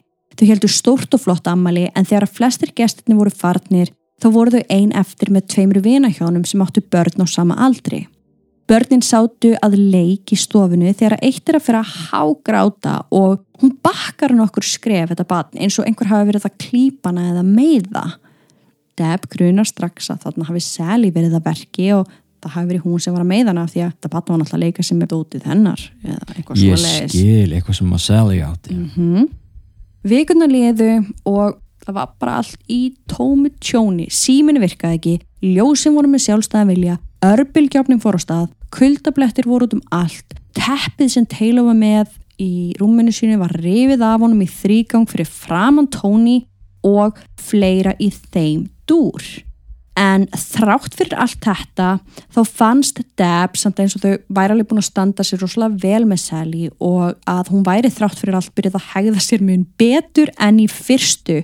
Og þau voru vissum að þau væri ekki í neittni hættu þrátt fyrir að þetta væri að hafa mikil áhrif á lífið þeirra. Þó að þau fengi kannski dag og vikur þar sem ekkert voru að gerast. Og ég veit ég segi við en það eru tí að tala út frá Deb. Já. Deb hugsaði svona. Mm En þið verður líka að sjá sko hversu styrla þetta hljóma kannski fyrir bara hinn almenna borgar út í bæ að heyrum eitthvað sem er að lifa með draug sem heitir Sally og þau eru að gefa henni gjafir og byggja henni um greiða byggja henni um hjálp og lifa í einhvers konar dýnamík sem meikar engan sens fyrir fólk. En þarna er þetta þeirra veruleiki. Algjörlega og ég veit að Tony er alveg farin þarna sko. Já, og Deb tekur alveg eftir því tekur alveg eftir því að þetta er ekkert maðurinn sem hún var með. Næ, hann er, hann er bara farin hann er mjög skrítin og það sem gerist til dæmis er að þau eru einu sinni að horfa á sjónvarpið inn í stofu og hann liggur svona einhvern veginn hjá henni. Ég held að svona með lappitin einhvern veginn svona á henni hún liggur einhvern veginn á honum. Svo allt í einu þá sprettur hann upp bara sest upp, starir á hana og segir he's mine. Eða hann er minn Já. Og Deb bara horfir á hann bara, hvað er að gerast, veist, ha? Já, Svo er veginn bara eins og Tony að við ranga við sér og veistu, hann kifti sér ekki einu sinni upp við þetta. Deb var bara, heyrðu það gerist eitthvað, þú sagðir þetta og hann bara, veistu, ég, ég veit ekki hvað ég sagði þetta. Svo var man þetta hann eftir þessu veistu, hann minnist ekki einu sinni á það, hann Nei. nennir ekki að tala um þetta af því þetta var hvort sem er alltaf að gerast. Já Hann var bara ekkert að segja frá því. Mm, þetta er bara eins skýrt dæmi og það verður frá henni djöfulega. Það er djöfullin sjálfur að tala í gegnum viðkomandi einstakling. Hann er að tala um hann, ekki eins og hann sé hann, heldur um sálina. Já. Hann er minn. Já. Svo gerist það einn daginn að enn og aftur þá er Tony að reyna að leggja sig um miðjan dag og hann er inn í svefnherbergi. Deb er með Taylor niðri. Skyndilega heyrir hún hann kalla á sig og hún svarar en fær ekkert svara á móti. Hún kallar aftur og aftur og í þriðja skipti þá var hún orðin pyrruð af því að hann hafði kallað á hana af hverju var hann þá ekki að svara núna. Einmitt. Hún fór upp stegan og opnaði hurðina og þá sá hún Tóni liggja í rúminu með hendurnar beinar til hliðar með lófana niður. Höfuð hans var nokkrum sentimetrum frá kottanum og hann var hrættur. Pyrringur Deb hætti þegar hún sá hversu hrættur eiginmaðurinnar var. Svo heyrir hún hvernig hann tekur inn djúpan og dramatískan andadrátt líkt og hann hafi verið í kafi og væri loksins að ná upp á yfirborðið. Eftir smá stund útskýrir hann fyrir Deb að hann hafi sopnað en vaknað síðan við eitthvað sem hann vissi ekki alveg hvað var. Þegar hann opnaði augun sá hann rík fljúa yfir herbergið og halv sofandi þá hjælta hann að það hafi komið vindkviða inn um gluggan nema hann sá að glugginn var ekki opinn og það var engin vifta í gangi. Hann hafi svo fundið hvernig vassrúmið þeirra byrjaði að hristast og á aðeins nokkrum sekundum leiðunum eins og einhver væri að ráðast á hann í rúminu eða stæði við fætur hans og væri að hoppa upp og neður þannig að hann fór sjálfur allir á hreyfingu í vassrúmi. Hvað er í gangi? Einmitt. Og þetta rík sem hann hafði séð, það sapnaðist síðan allt í einu saman til fóta og hann sá móta fyrir efri líkama konu beint fyrir framann sig. Hvað sem þetta var færðist nær honum og hann sá að hún var ill á svip með dögt hár. Hann var stjarfur úr hræðslu en hann þorði ekki að standa upp og koma sér í burtu. Þessi kona var svartklætt, klætt í ból eða kjól með svona stórum kraga. Hann reynir að kalla á Deb en aftur, eins og oft áður, þá kom hann ekki upp orði. Þessi kona var síðan komin alveg að honum þegar herbergishörðin skellist og skúffurnar á kommóðunni röku upp og lokuðust síðan af sjálfum sér. Konan rétti síðan fram hendurnar að Tóni og segir við hann Ég ætla að en svo skildi hann ekki restina. Hann tók eftir því að á höndinni bar hún svartan hanska sem var rétt við andlitið hans og honum fannst hann líka sjá einhvers konar svartan rafn eða svartan fuggl á höndin á henni. Hann nær loksins að standa upp og hlaupa að herbergishurðinni en hann komst ekki út. Hann reyndi að öskra en hann gata ekki og svo man hann ekki meir. Hann hafði ekki hugmyndum hvernig hann endaði aftur í rúminu. Þetta er bara djöfulegt eins djöfulegt á að verður Mm þannig er sveflömun þannig er svartur rapp -hmm. Eftir þetta atvik fóru þau að heyra furðuleg hljóð á ganginum uppi, líkt og einhver með djúpa rödd væri að stinja. Tony var hættur að vilja láta Taylor sofa einan í herberginu sínu því að drengurinn var augljóslega hrættur við eitthvað. Setna um kvöldið samt, þá ákveður Deb að reyna að setja Taylor í rimlarúmið og það virtist ganga. Það er eins og pappin hafi reynda ekki gengið. Og hún svona ok, þau byrja kannski að sofa með henni upp í rúmi en svo bara, herru, ég ætla að prófa. Fær hann bara sopnaði, það var ekkert mál en Deb vissi ekki alveg af hverju þetta hafði gengið hjá henni en ekki honum. Mm. Barbara miðill hafði reynt eins og hún gat að halda þessum upplýsingum útaf fyrir sig. Þessum með, þessum með fjölskyldunum af því munum, Barbara, hún er starfandi miðill, hún er að fara út um alla treystur og hún er að halda alls konar fyrirlestra Já. og hún hafði alveg talað um einhverja fjölskyldu og þetta náttúrulega hafiði vakið áhuga. Þannig að hún minnist á við Deb hún kemur með þessa hugmynd að þau myndi fá paranormal rannsakendur inn á heimilið. Tony var alfarið á mótið því en Deb vildi ólm fá þau. Hún vildi tala ofinberlega um það sem þau voru búin að gangi gegnum en Tony hann vildi ekki koma fram í sjómarpinu og þau rifust heiftarlega sem endaði eins og svo ofta áður á því að Tony gaf undan og það er um þetta leiti sem að Særings kemur heim til þeirra eldgamall sjónvastáttur já. og við ætlum að setja link á þáttinn sem þið geti hort á sjálf. Mm, þetta er svo satt af YouTube. Þetta eru gamli þættir upptöku spóla sem einhver hefur verið svo góður að taka saman fyrir okkur. Mhm. við skulum bara horfa á þessa þætti. Þetta eru alls fjórir eða sex þættir allir saman þjappaðir þetta er klukkutími. Já, það er ótrúlega að sjá þess að gömlu paranormal rannsakendur og það gefur manni samt svo mikið að hugsa að þetta er búið að vera svo langan tíma. Mm, það er svo margir svo lengi búin að vera að rannsaka þetta. Já. og hvernig tækin voru hérna áður fyrir fyrst að burðast með þess að resastóru hlunga og hljóðtæki og mixera og allt sem er bara fartalva í dag og hafið það samt í huga ef þið ákveðið að horfa á þetta eins og ég segi þetta er bara fyrir þá sem eru algjöru nörður eins og við og vilja virkilega komast inn í söguna Mhm. hafið í huga að það er ímislegt ránt með farið, það eru alls konar upplýsingar sem er ekki alveg réttaratna sem Já. við munum leiðrétta munum Mhm. það er mörg ár síðan, þau vissu bara ekki betur þarna nei, nei, og við- sem er skiljanlegt algjörlega, við munum leiðrétta nokkra punta, þannig að Mhm. ég myndi frekar sko fara eftir sögunni sem við erum að segja ykkur en þessi sjónvastáttur er bara til gamans þannig þið sjáu líka fjölskyldulífi hjá þeim og þið sjáuð hvernig er ráðist á tóni fyrir framanfullt af fólki þetta er svo sláandi. Þetta er alveg sláandi það er eitt að segja sko fyrir ekki að maður sé klóraður að maður sé beittur einhverju ofbeldi. Það getur hver sem er sakta í rauninni. Mm en í þessum þætti eða í þessum klippum þá sjáu þið bara svart á hvítu. Sár, djúb blóðu för myndast fyrir framann fullt af fólki fullt af vitnum og á kameru hvað þetta er ógæðslega mikið ofbeldi Teimið kom heim til þeirra í tveggjadagar ansókn og það var ákveðið að segja ekki í hvaða bæ þetta var og andlit Tónís var blörrað. Og það sem er svo áhugaverst að þegar við horfum á þetta fyrst þá voru við bara af hverju er hann blörraður en ekki hún? já, áhugavert Og ég meina, ég ætla bara segja það núna, það vissu allir hver þetta var. já, Því miður, þetta litla blörr, mm gerði ekki neitt. Nei, það- það var, allir. hann var kallað Jeff. Hann var kallaði Jeff, þetta átti að vera eitthvað rosa leynilegt allt saman. Og aftur, þú veist, við höfum ekki alveg tíma til að fara nákvæmlega í, ég meina þetta er fjögra klukkutíma þáttir ef við farum nákvæmlega í hvað gerðist. Þannig að gefið ykkur klukkutíma til þess að horfa á þennan gamla en samt sögulega sjónvanstátt á YouTube.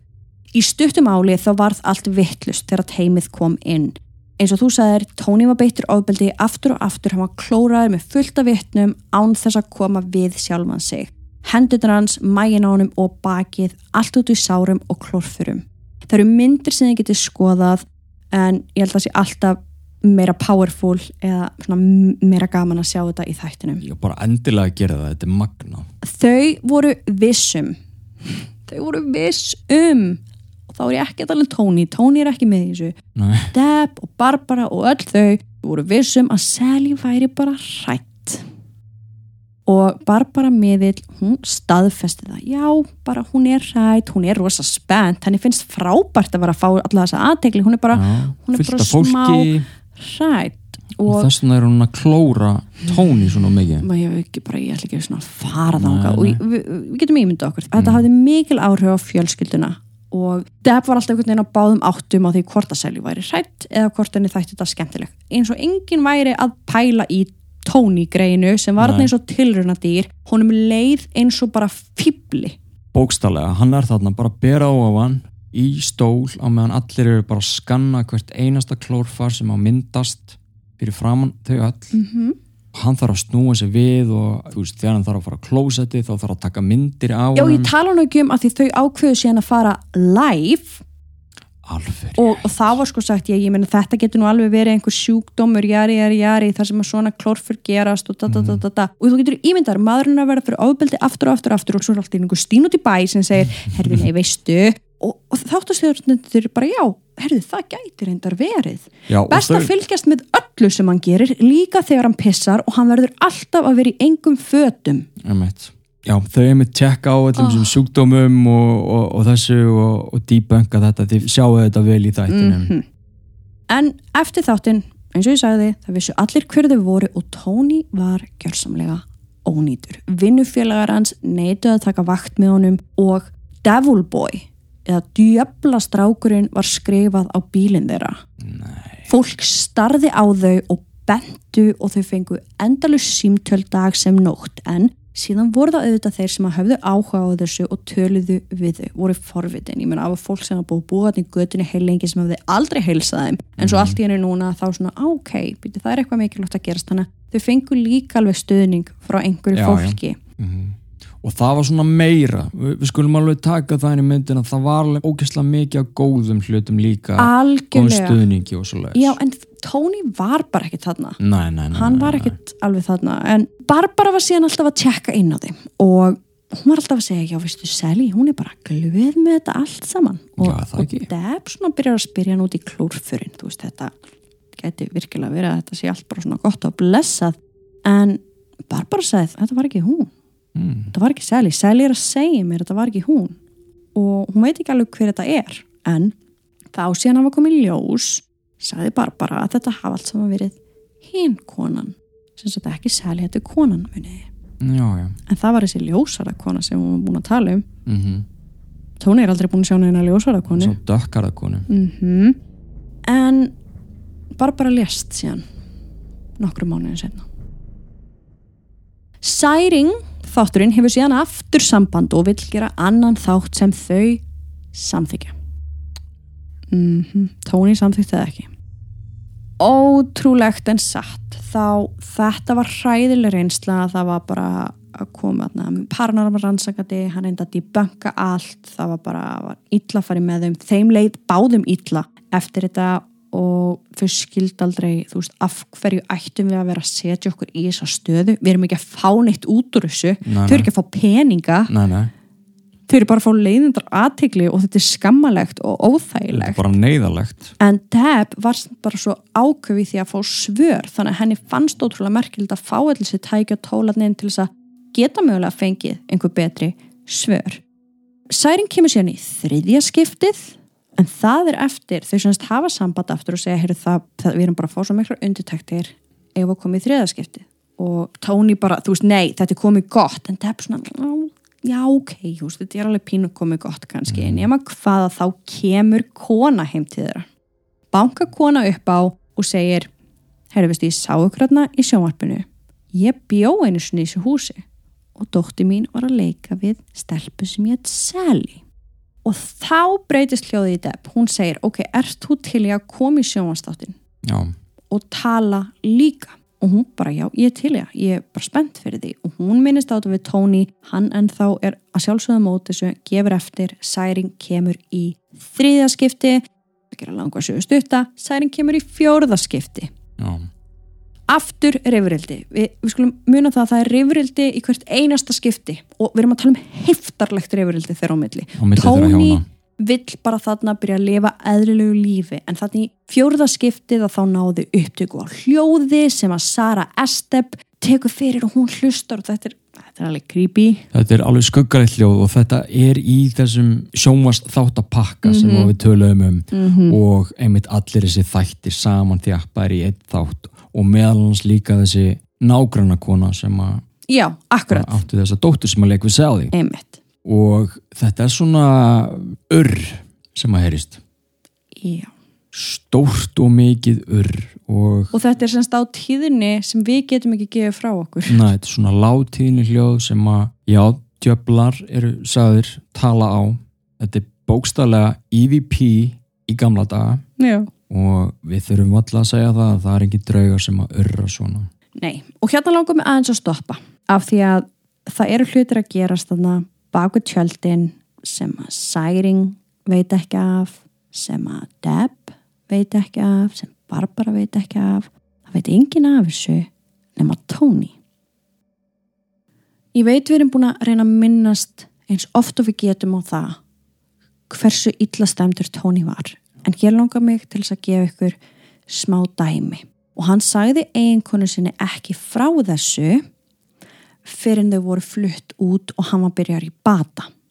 ok, Hann lendir semst í því eitt morgunin að hann er að fara fram, hann er að fara að fá sér serjós í eldúsinu, hann er að ná í mjölk í ískápnum og hann er búin að setja skála borðið með serjósi. Hann snýr sér við og sér að nágranna kötturinn er komin inn og er eitthvað að fykta í skálinni.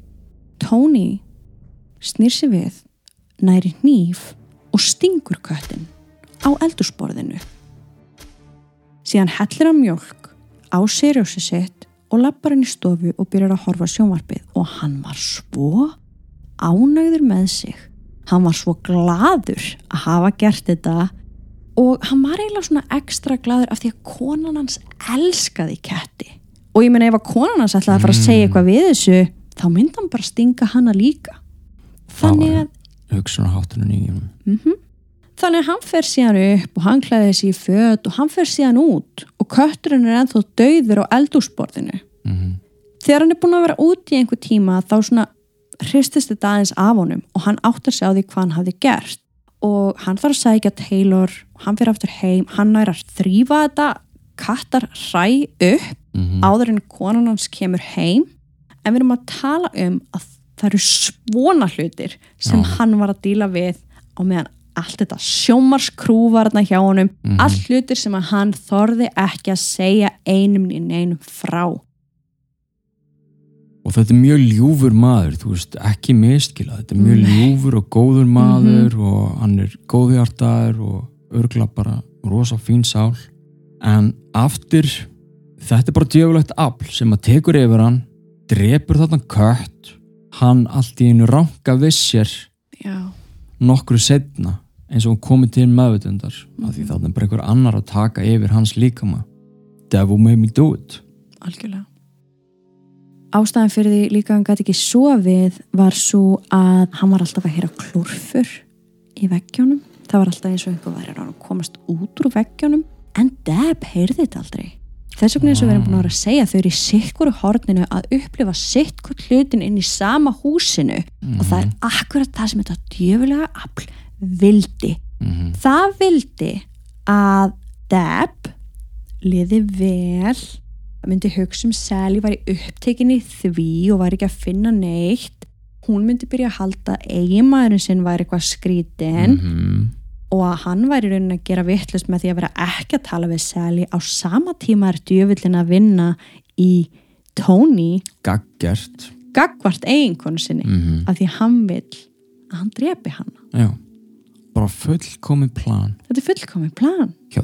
Já, og nú eru þau byrjað að rífast. Og það er allt komið í vittleysu Alveg eins og djöflum vil hafa. Það er síðan tekin ákverðun eftir þetta allt saman að reynsa húsið og ég ætla ekki að fara nánur út í það. Þau fá einhvern sjaman þarna sem var, svona af indjánaættum já, og að ég heldur séu mjög góði margir. En, Já, já, en þessi já. var vist, þau horfðu allavega hvort og annað hjónin og, og voru svona hvert er líf okkar komið? Af hverju erum við með hann mann sem kom? Og það fyrsta sem hann sagði var sko ég saumaði fötin mín sjálfur. Ég er indjáni og ég heiti Eldfjöður nei Stefán, þú fer alltaf of langt. Nei, hætt. Verðst úti.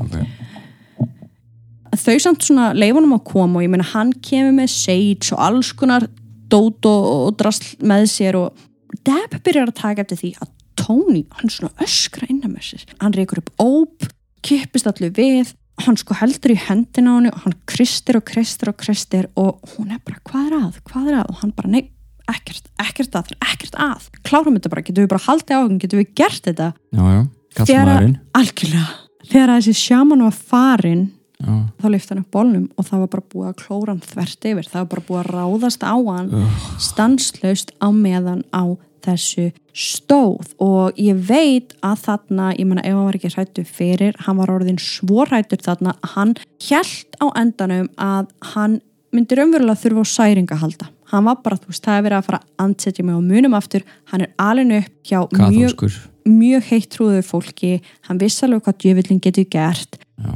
og hann er þarna að byrja að tala við prest já, á hliðalínunni vissi Deb á því? Nei, Næ, vissi enginn að því.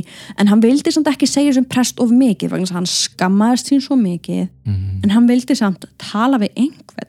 Og prestunum svona finnur ok, það er ekki allt í góðu með hann mann og ég skil ekki alveg hvert hann er að fara með þetta og hann segir, er ekki bara best að ég komi heim til þín og bara svona sjáum hans hvað við erum að díla við? Já, en síðan deyr presturinn. Hann bara dó. Já. Ég veit ekki hvernig er að útskýra það sko. En þetta var alltaf tilviljun. Ég Mm. veit að Deb og Tony hugsuðu setna mér, þú veist, geti að vera út af þessu húsi. já, Þau geta alveg sett einhverja smá tengingu á milli. já, en vissulega ekki þeim að kenna Alls ekki. Ég meina, en hann var samt ekki veikur. Þetta var skrítið. já, Þetta var skrítið mál. Það er ekki fyrir en hann, Tony er einn daginn upp á efri hæðinni og þið sjáuð að þið skoða myndir af húsinu að það er svona handrið hjá steganum. Þetta handrið er rosalega lágt. Það er örgulega nærum manni kannski bara rétt að mitti. Þetta er Já. hættulegu staður. auðvelt að detta þarna yfir hann er eitthvað að þvælast þarna og allt í hennu kemur þetta rosalega afl og það einhvern veginn hendur honum einhvern veginn yfir þetta grindverk en samt á þann hátt að hann næri einhvern veginn að koma sér aftur upp. Já, en hann var svo hrættur, hann var svo búinn að hann ringir í eiginkonu sína og hann segir ég get ekki meir, við verðum bara að fara út. Veist, þetta er búið. Get ekki búið ég lengur. get ekki meir. Og hann sagði þá einhver eftir að deyja hérna og líklega stert að þú. Já, við Deb Já, af því hann var bara hársbreytt frá því að drepa hana. og meðan öllu þessu stendur þá er hann bara eins og hann sé að koma úr þrælabúðum af því hann er svo hittur og allir út í klórförum á bakinu og út um allan líkama Hann er hægtur að borða, mm. hann er byrjar að fara endalust á spítalan. Ég meina sjúkra læknis heimsókna reikningar voru að rannast upp. wow. Hann misti endalust úr vinnu, en það er svona einhvern veginn eins og Deb hafi svolítið ranga vissir þarna þegar hann næstu í datniður já, og hún samþekti það að þau myndi flytja. hann er bara einhver að fara að deyja Já. Þau vissu ekki hvort að þetta myndi fylgja þeim, sem sagt út úr húsinu þegar þau myndi flytja. Flytja þarna 1994 og búa þarna rúmlega tvö ár já, og þau vissu líka að það væri raunin ekkert hægt að segja til um það bara fyrir en eftir eitthvað tíma. Mm. bara hvort þetta myndi fylgja þeim. Og þau hafa alveg verið hreinskilega með það að eftir þetta allt saman þá þurftu þau sko svo raunverulega að vinna í sínum málum. Deb fór alveg að líta inn á við hún fór alveg að sjá hvernig hún var búin að hæða sér. Hún sá alveg undir hvað áhrifum hún var búin að vera undir. Hún var gjörsanlega miður sín að eiginmaðurinn var búin að gangi í gegnum þetta allt saman einhvern veginn einn já, þannig að hún var svo þjætt við baki á honum eftir þetta. Þau Mhm. heldur áfram að fá ráðleggingar hjá öðrum prest já, og þau bara svona fór í átt að bata. Við erum eftir að fara í það hverjir koma á eftir þeim inn í þetta hús. En bara rétt áður við fyrir að tala um söguhúsins við erum Mhm. svolítið að enda sögun á Pekman hjónunum já, en það er alltaf að minnast á það að ég meina húsi er aukt núna og það er bara opið þeim tilgangi að koma í paranormal rannsóknir. Mhm, og að sjálfsög voru margir paranormal rannsakendur sem að höfðu samband við Pekman hjónin bara já, vildu fá þeirra sögu. Og Deb hún virtist alveg vera nokkuð opin fyrir því. Já, hún fór alveg stundum í viðtöl en Tony harneitaði og ég held líka að þau voru alveg sammála um það að Tony myndi aldrei snúa tilbaka í húsið, já, nei, hún hafði náttúrulega aldrei upplifað neitt en hann átti aldrei að snúa tilbaka og ég held að þessi eini maður sem fekk alltaf að snúa tilbaka var Zach Bacons hjá Ghost Adventures. Já, ég veit ekki hvort það sé hægt að finna hann að þátt einhver staðar með Ghost Adventures. Mhm, kannski er hann á YouTube, kannski er hann á YouTube, við getum alveg aðtöða, við getum sagt ykkur allavega hvað hann heitir ef þið eru með einhverjar sjónvastöðar sem við erum ekki með og sé verið að sína ykkur gamla þætti. Mhm, en þá allavega snýra hann tilbaka og þetta, það er magnaði þáttur. En ég held að fyrir utan það þá hafa hann aldrei snúið tilbaka. Og hérna svolítið líku þeirra sögu, þau eru hamingjusum í dag. Já, eiga þrjú börn eða já, ég held að ég er þrjá stráka. Mhm, þau segja samt að eftir að hafa lendi í þessu þetta yfirgefur þau aldrei og þetta yfirgefur Tony aldrei. Mhm. því hún lendur í svona djöfulegri ásöknir eins og þú veist að það fer aldrei. Nei, og þetta er eitthvað sem bara þau komu til með að skilja og jáfnvel bara Tony. Tony hefur nokkur sinnum í gegnum tíðina, veit ég, ranka við sér og þar stendur hann fyrir framan húsið. Úff. Bara án þess að vita hvernig hann komst þangað. mm. Þannig að þetta er eitthvað sem að ég held að þau díli alltaf við. Þau búa bara þarna rúmlega einum og hálfum kílómetr frá húsinu. Þau eru ennþá í Atchison. Já, þau reyndi eitthvað að forðast þennan staðrúslega mikið fyrst en Mhm. já, þau greinlega geta verið svona nálagt samt en ég veit að þau eru ekkert að fara þannig að skoða Í- eða Nei, keira framhjá eða eitthvað svona- en ok, ég held að við séum algjörlega búin að fara mjög vel yfir sögu Pekman hjónana og þá langar mig til þess að þú taki við og Mhm. við svona byrjum aðeins að skoða hver er sagan í kringum húsið. Þá ætla ég að fara að byrja að segja ykkur frá Finney fjölskyldunni Michael Croman Finney keifti lóðuna árið 1867 og byggði þar húsið sem í dag er kent við Sally Við skulum bara kalla hann MC Michael Croman bara til þess að einfalda þetta Má ég það bæta hans hérna við? yep. ef þið horfið á þáttin á YouTube Sightings þá sjáu þið að í eitt skiptið er búið að merkja Tony skamstöfuninni MC Þetta er ótrúlegt og við sáum þetta í upptöku Jep, En MC og konan hans, Catherine, fluttu þangað inn með börnum sínum árið 1872. Það talið að þau hafi búið fyrstum sinn í kjallaranum. Ok. Meðan þau voru að gera upp húsið og hafa það til, til búsetu. Sama ár lætur MC finna lífið inn í húsinu, þó af eðlilegum orsökum, en þó aðeins 49 ára gamall. Ok Hann var sannst ekki búinn að búa þarna í nema bara í örskama stund þegar hann læti svo lífið. Jarðaförun hans var haldin inn í húsinu. Catherine var ólétt af sinni þeirra við andlát eigimann síns, dreng sem var svo skýrður Edwin Finney. Hann lifið þó ekki lengi og lést líka inn í húsinu þann 29. september árið 1874. Þá var hann aðeins nokkra mánuða gamall. Hann náði ekki eins ás aldri. MC og Catherine þjóttu þrjú börn. ok, Charles Finney er eitt þeirra og hann er elsti sonu þeirra. Hann ólst auðvitað upp í húsinu og hann tekur á lókum við því. Hann útskrifar sem læknir og opnar lækna og skurðstofu inn í húsinu. Charles var einn af braut riðjendum læknastjættarinnar í Missouri fylkinu og hann var mikilvægur hlekkur í heilbreyðskerfinu sem að þá var. þannig að fólk var að leita til hans þarna inn í húsið bara til þess að fá Læknistjónustu. var hann að gera einhverjar aðgerðir þarna Vissulega. inn í húsinu Allt saman. ok, Hérna kemur samt örlítil flækja ok, því að Charles Finney eignast son sem hann skýri líka Charles Finney. Það er bara eins og fólk hafa ekki endilega verið með nafnalista. nei, nei, Það heit allir að sama. Ok, Charles Finney eignast sonin Charles Finney Jr. já sem verður svo líka starfandi læknir í húsinu. Ok, ok. Charles pappin verður svo borgastjóri Atkinson en þarf svo allt í einu að segja af sér vegna nexlismál sem varðaði ólöglega dreifingu eða sölu á áfengi. Áfengi spannatna ah, alls konar leiðindi. Ok, hinn sonur MC sem að byggði húsum ástu og Kate já, heiti James Finney. Hann er svo bróði læknisins. James Finney er sagður vera eitt af skrásættu döðsföllunum inn í húsinu og það árið 1900 en samkvæmt okkar rannsóknarvinnu þá lést hann, jú, árið 1900 en þó á Evergreen spítalanum í Leavenworth þar sem hann hafði leið inni í nýju mánuði fyrir döðasinn þannig að við ætlum að debunka það núna þó ég horfa á þáttinn eða hvað þá lést hann ekki inn í húsinu. Mm jarðaförun hans var þó haldinnar svo er það þriðja barn MC og Kate. Já, Agnes Finney mm sem er þá sýstir James og Charles, dóttir MC og Kate. Mm Þriðja barni.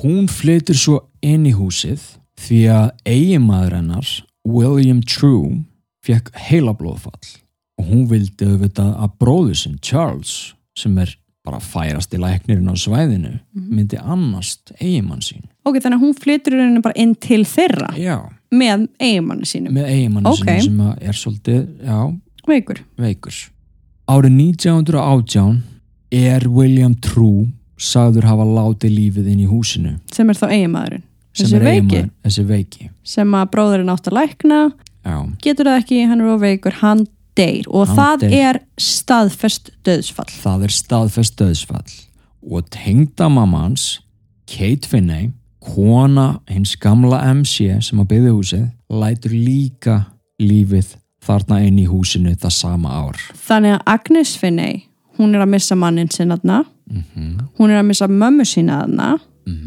en hún heldur áfram að búa í húsinu, er það ekki allt til döða dags? Jú, eða árið 1939 og þá 79 ára aldri Og deyr hún þarna? Já, Ok. og það er staðfest. Á þeim tíma sem hún bjóða þarna samt þá tók hún inn marga leyendur sem að leiðu í mist herbergi og pláss í húsinu. Læknirinn farin Já. Og óætt er að segja margi byggu þarna á þessum rúmu 20 árum. Hvert fór læknirinn sann? Hann fór í annað fylki. Ok, ok, Svo tökum við þetta því bara eldsnöggva saman svo að þið séu alveg með þetta hreinu. ok. og við skulum líka skrifa þetta MC Finney, maður sem að byggði húsið döðsfall nummer 1 Litli Edvan Finney, þessi tæpla einsás döðsfall nummer 2 William True eiginmaður Agnesar, döðsfall nummer 3 Kate Finney mamman, döðsfall nummer 4 og svo Agnes Finney döðsfall nummer 5 En þau eru rauninu öll að deyja úr einhvers konar eðlilegum orsökum. Rétt. Það er ekki myrtur að það, það er að framja sjálfsvík, Næ, þetta eru veikindi, mhm. Þetta er bara svona, eðlilegur döðdagi Dauðdagi. Já. og þetta eru þau döðsföll sem við erum búin að staðfesta eftir yfirgrips mikla rannsóknarvinu Mhm. Við viljum samt líka taka það fram að á öllum þeim árum sem þetta var starfandi læknishús þá voru sennilega þó nokkur döðsföll sem eru þarna inni sem ekki eru skjálfest akkurat. Árið 1958 voru líka tvö stór flóð sem að skemmti töluvert af skjölum, pappirjum og öðrum mikilvægum gögnum í skjálasafni Atkinson.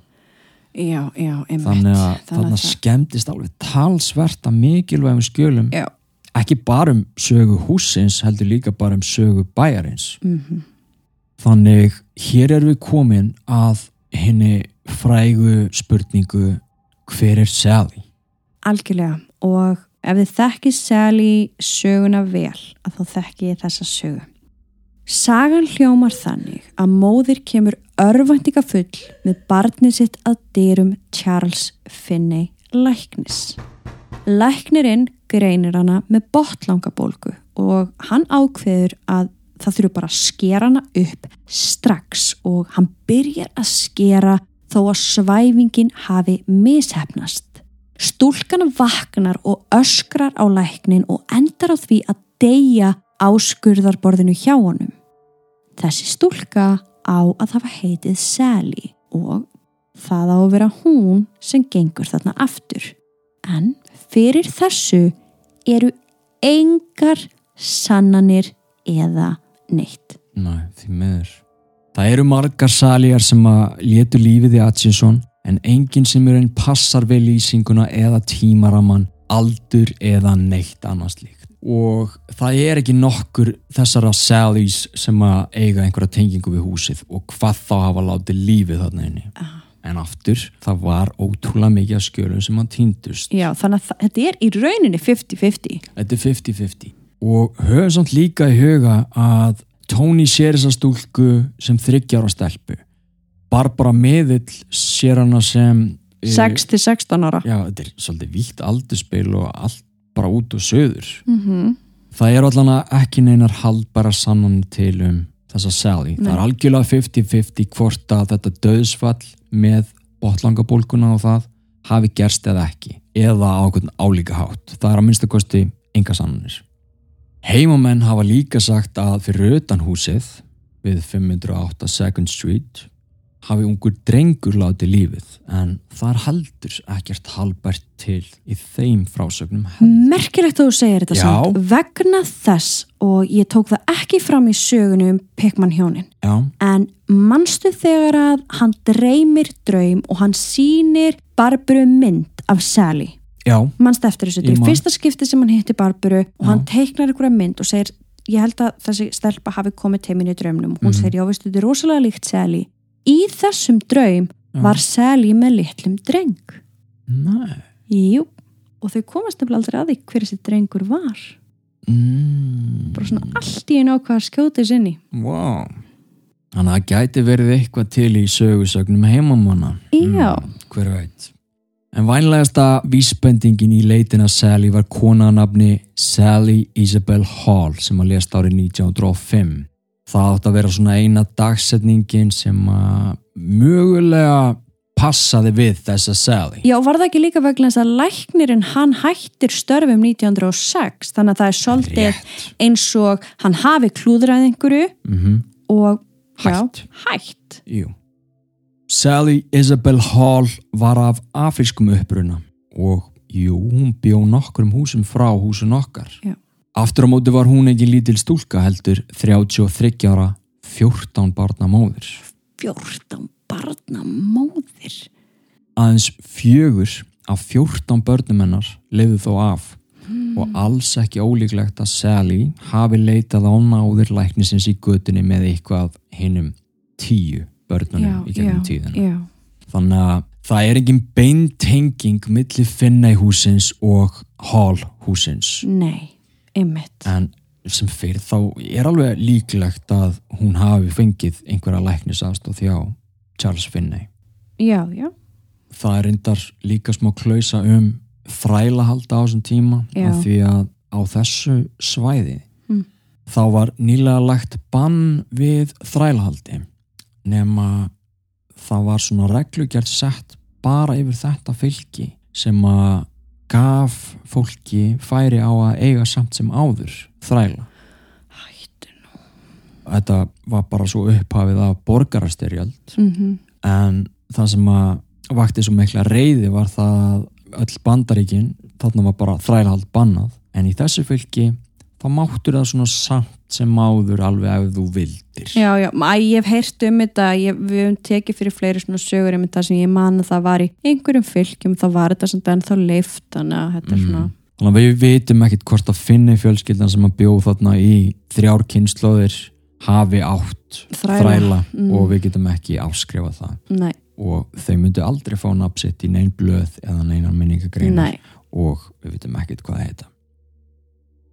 Húsi var síðan selt Billy, Joan Butler og Ethel Anderson, báðar einstæðar mæður sem að kefti húsi saman. já, Í desember 1948 flutti Mais fjölskyldan inn í húsið og yngsta dóttirinn, Sarah Margaret Mais, var ótrúleitin satt einmitt kölluð Sally.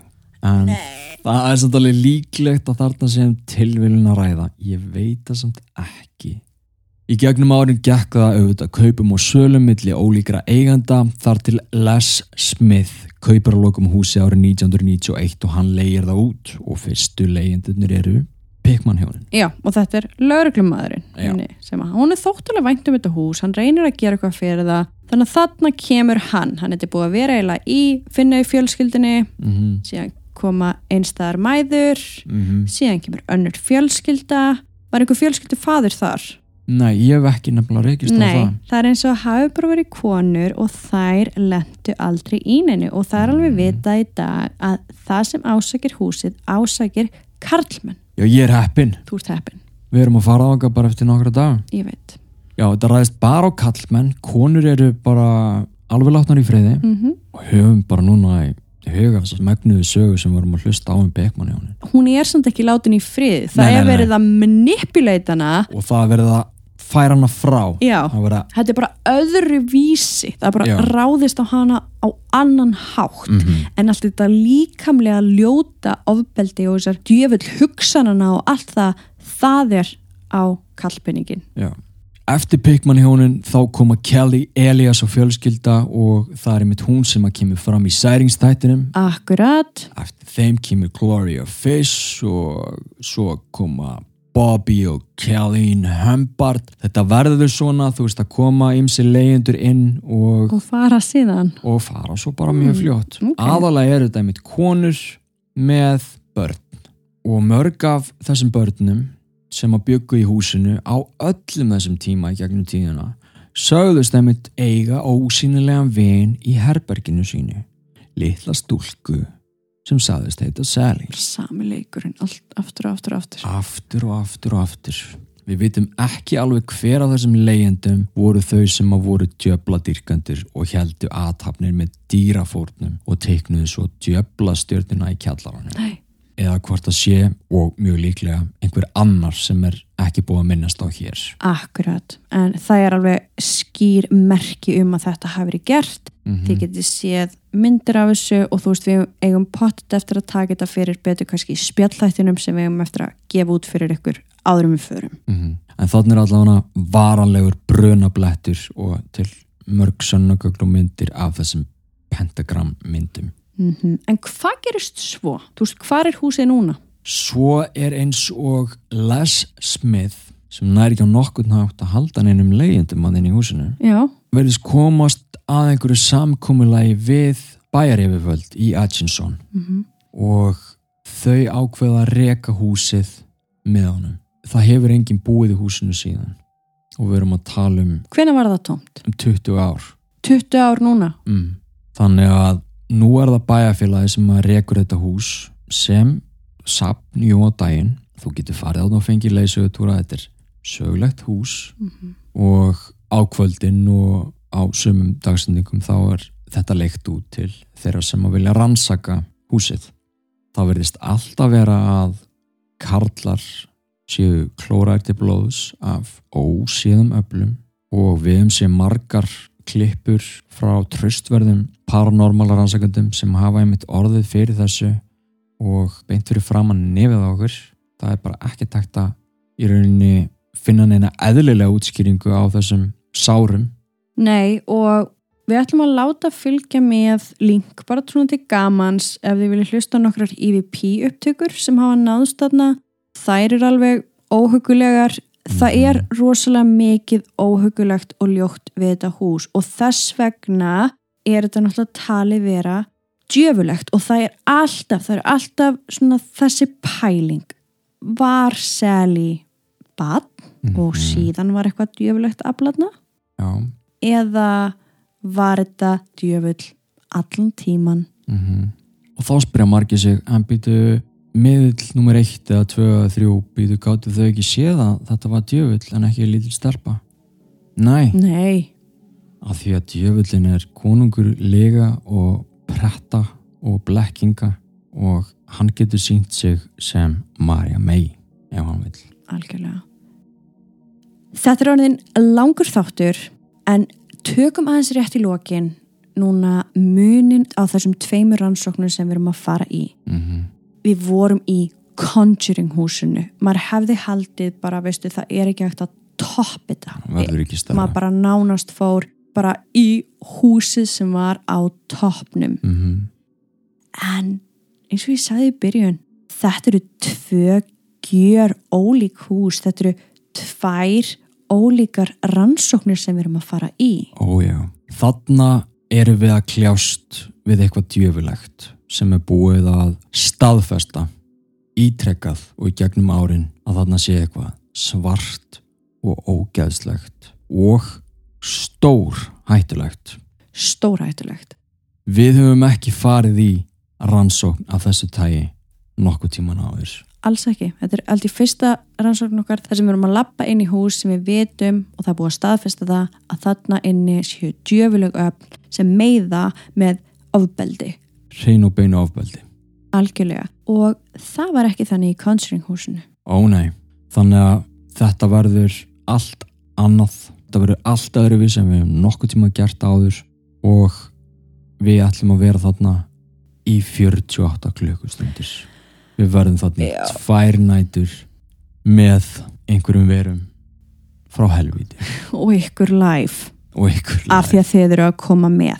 Ég held við ættum að segja þetta gott í dag en endilega fylgist þið bara með núna á næstu dögum, við ætlum að hendi bara live spjall þætti tökum live spjall þar verið með spurningar tilbúnar ef það er eitthvað, við ætlum að gefa ykkur samtalið góðan tíma núna til þess að hlusta þáttinn. Ef þið viljið Mhm. horfa, ef þið viljið klukki bókina. Þannig að gefa ykkur smá tíma bara svona til að melda þetta sjálf. Ykkur er alltaf velkomið að hafa samband við okkur, þið megið setja inn á podcast discussion group, senda okkur á Patreon ef það er eitthvað sem þið viljið vita eða eru forvitin um, Mhm. okkur finnst alltaf gaman að fá skilabóð frá okkur þannig að ekki hika við að senda okkur línu annars erum við nokkuð peppuð í þetta verkefni Við erum mjög peppu í þetta verkefni. og við hlökkum til að fara með ykkur í þetta og við ætlum að reyna að gera þetta svolítið öðruvísi líka við ætlum að reyna eins og við getum að hafa kannski smá live streymi allan tíman þannig að þó við séum ekki alveg að rannsaka eða, Mhm. eða taka upp eða hvað þá getið þið samt alltaf svona kannski kíkt inn á linkin og fylst með okkur Hvar við erum. Þetta er allt eitthvað sem við erum að skoða en ég meina það sem er allavega 100% staðfest er það að við verðum live. Það náðum við ekki að gera í Conjuring húsinu út af alls konar skilmálum. Þið gerðuð okkur það samt kleift að við gætum tekið upp og ég vonaði þessu ána með allt sem við settum inn á Patreon þar. Mhm. En við erum að tala um hér að hér eru enga takmarkanir. Við getum Nei. gert það sem við svolítið viljum og þið getum verið með okkur eins mikið nánast og þið viljið. Þannig að segjum þetta gott í kvöld, gefið ykkur tíma til þess að hlusta á hann þátt og við sjáumst eftir viku.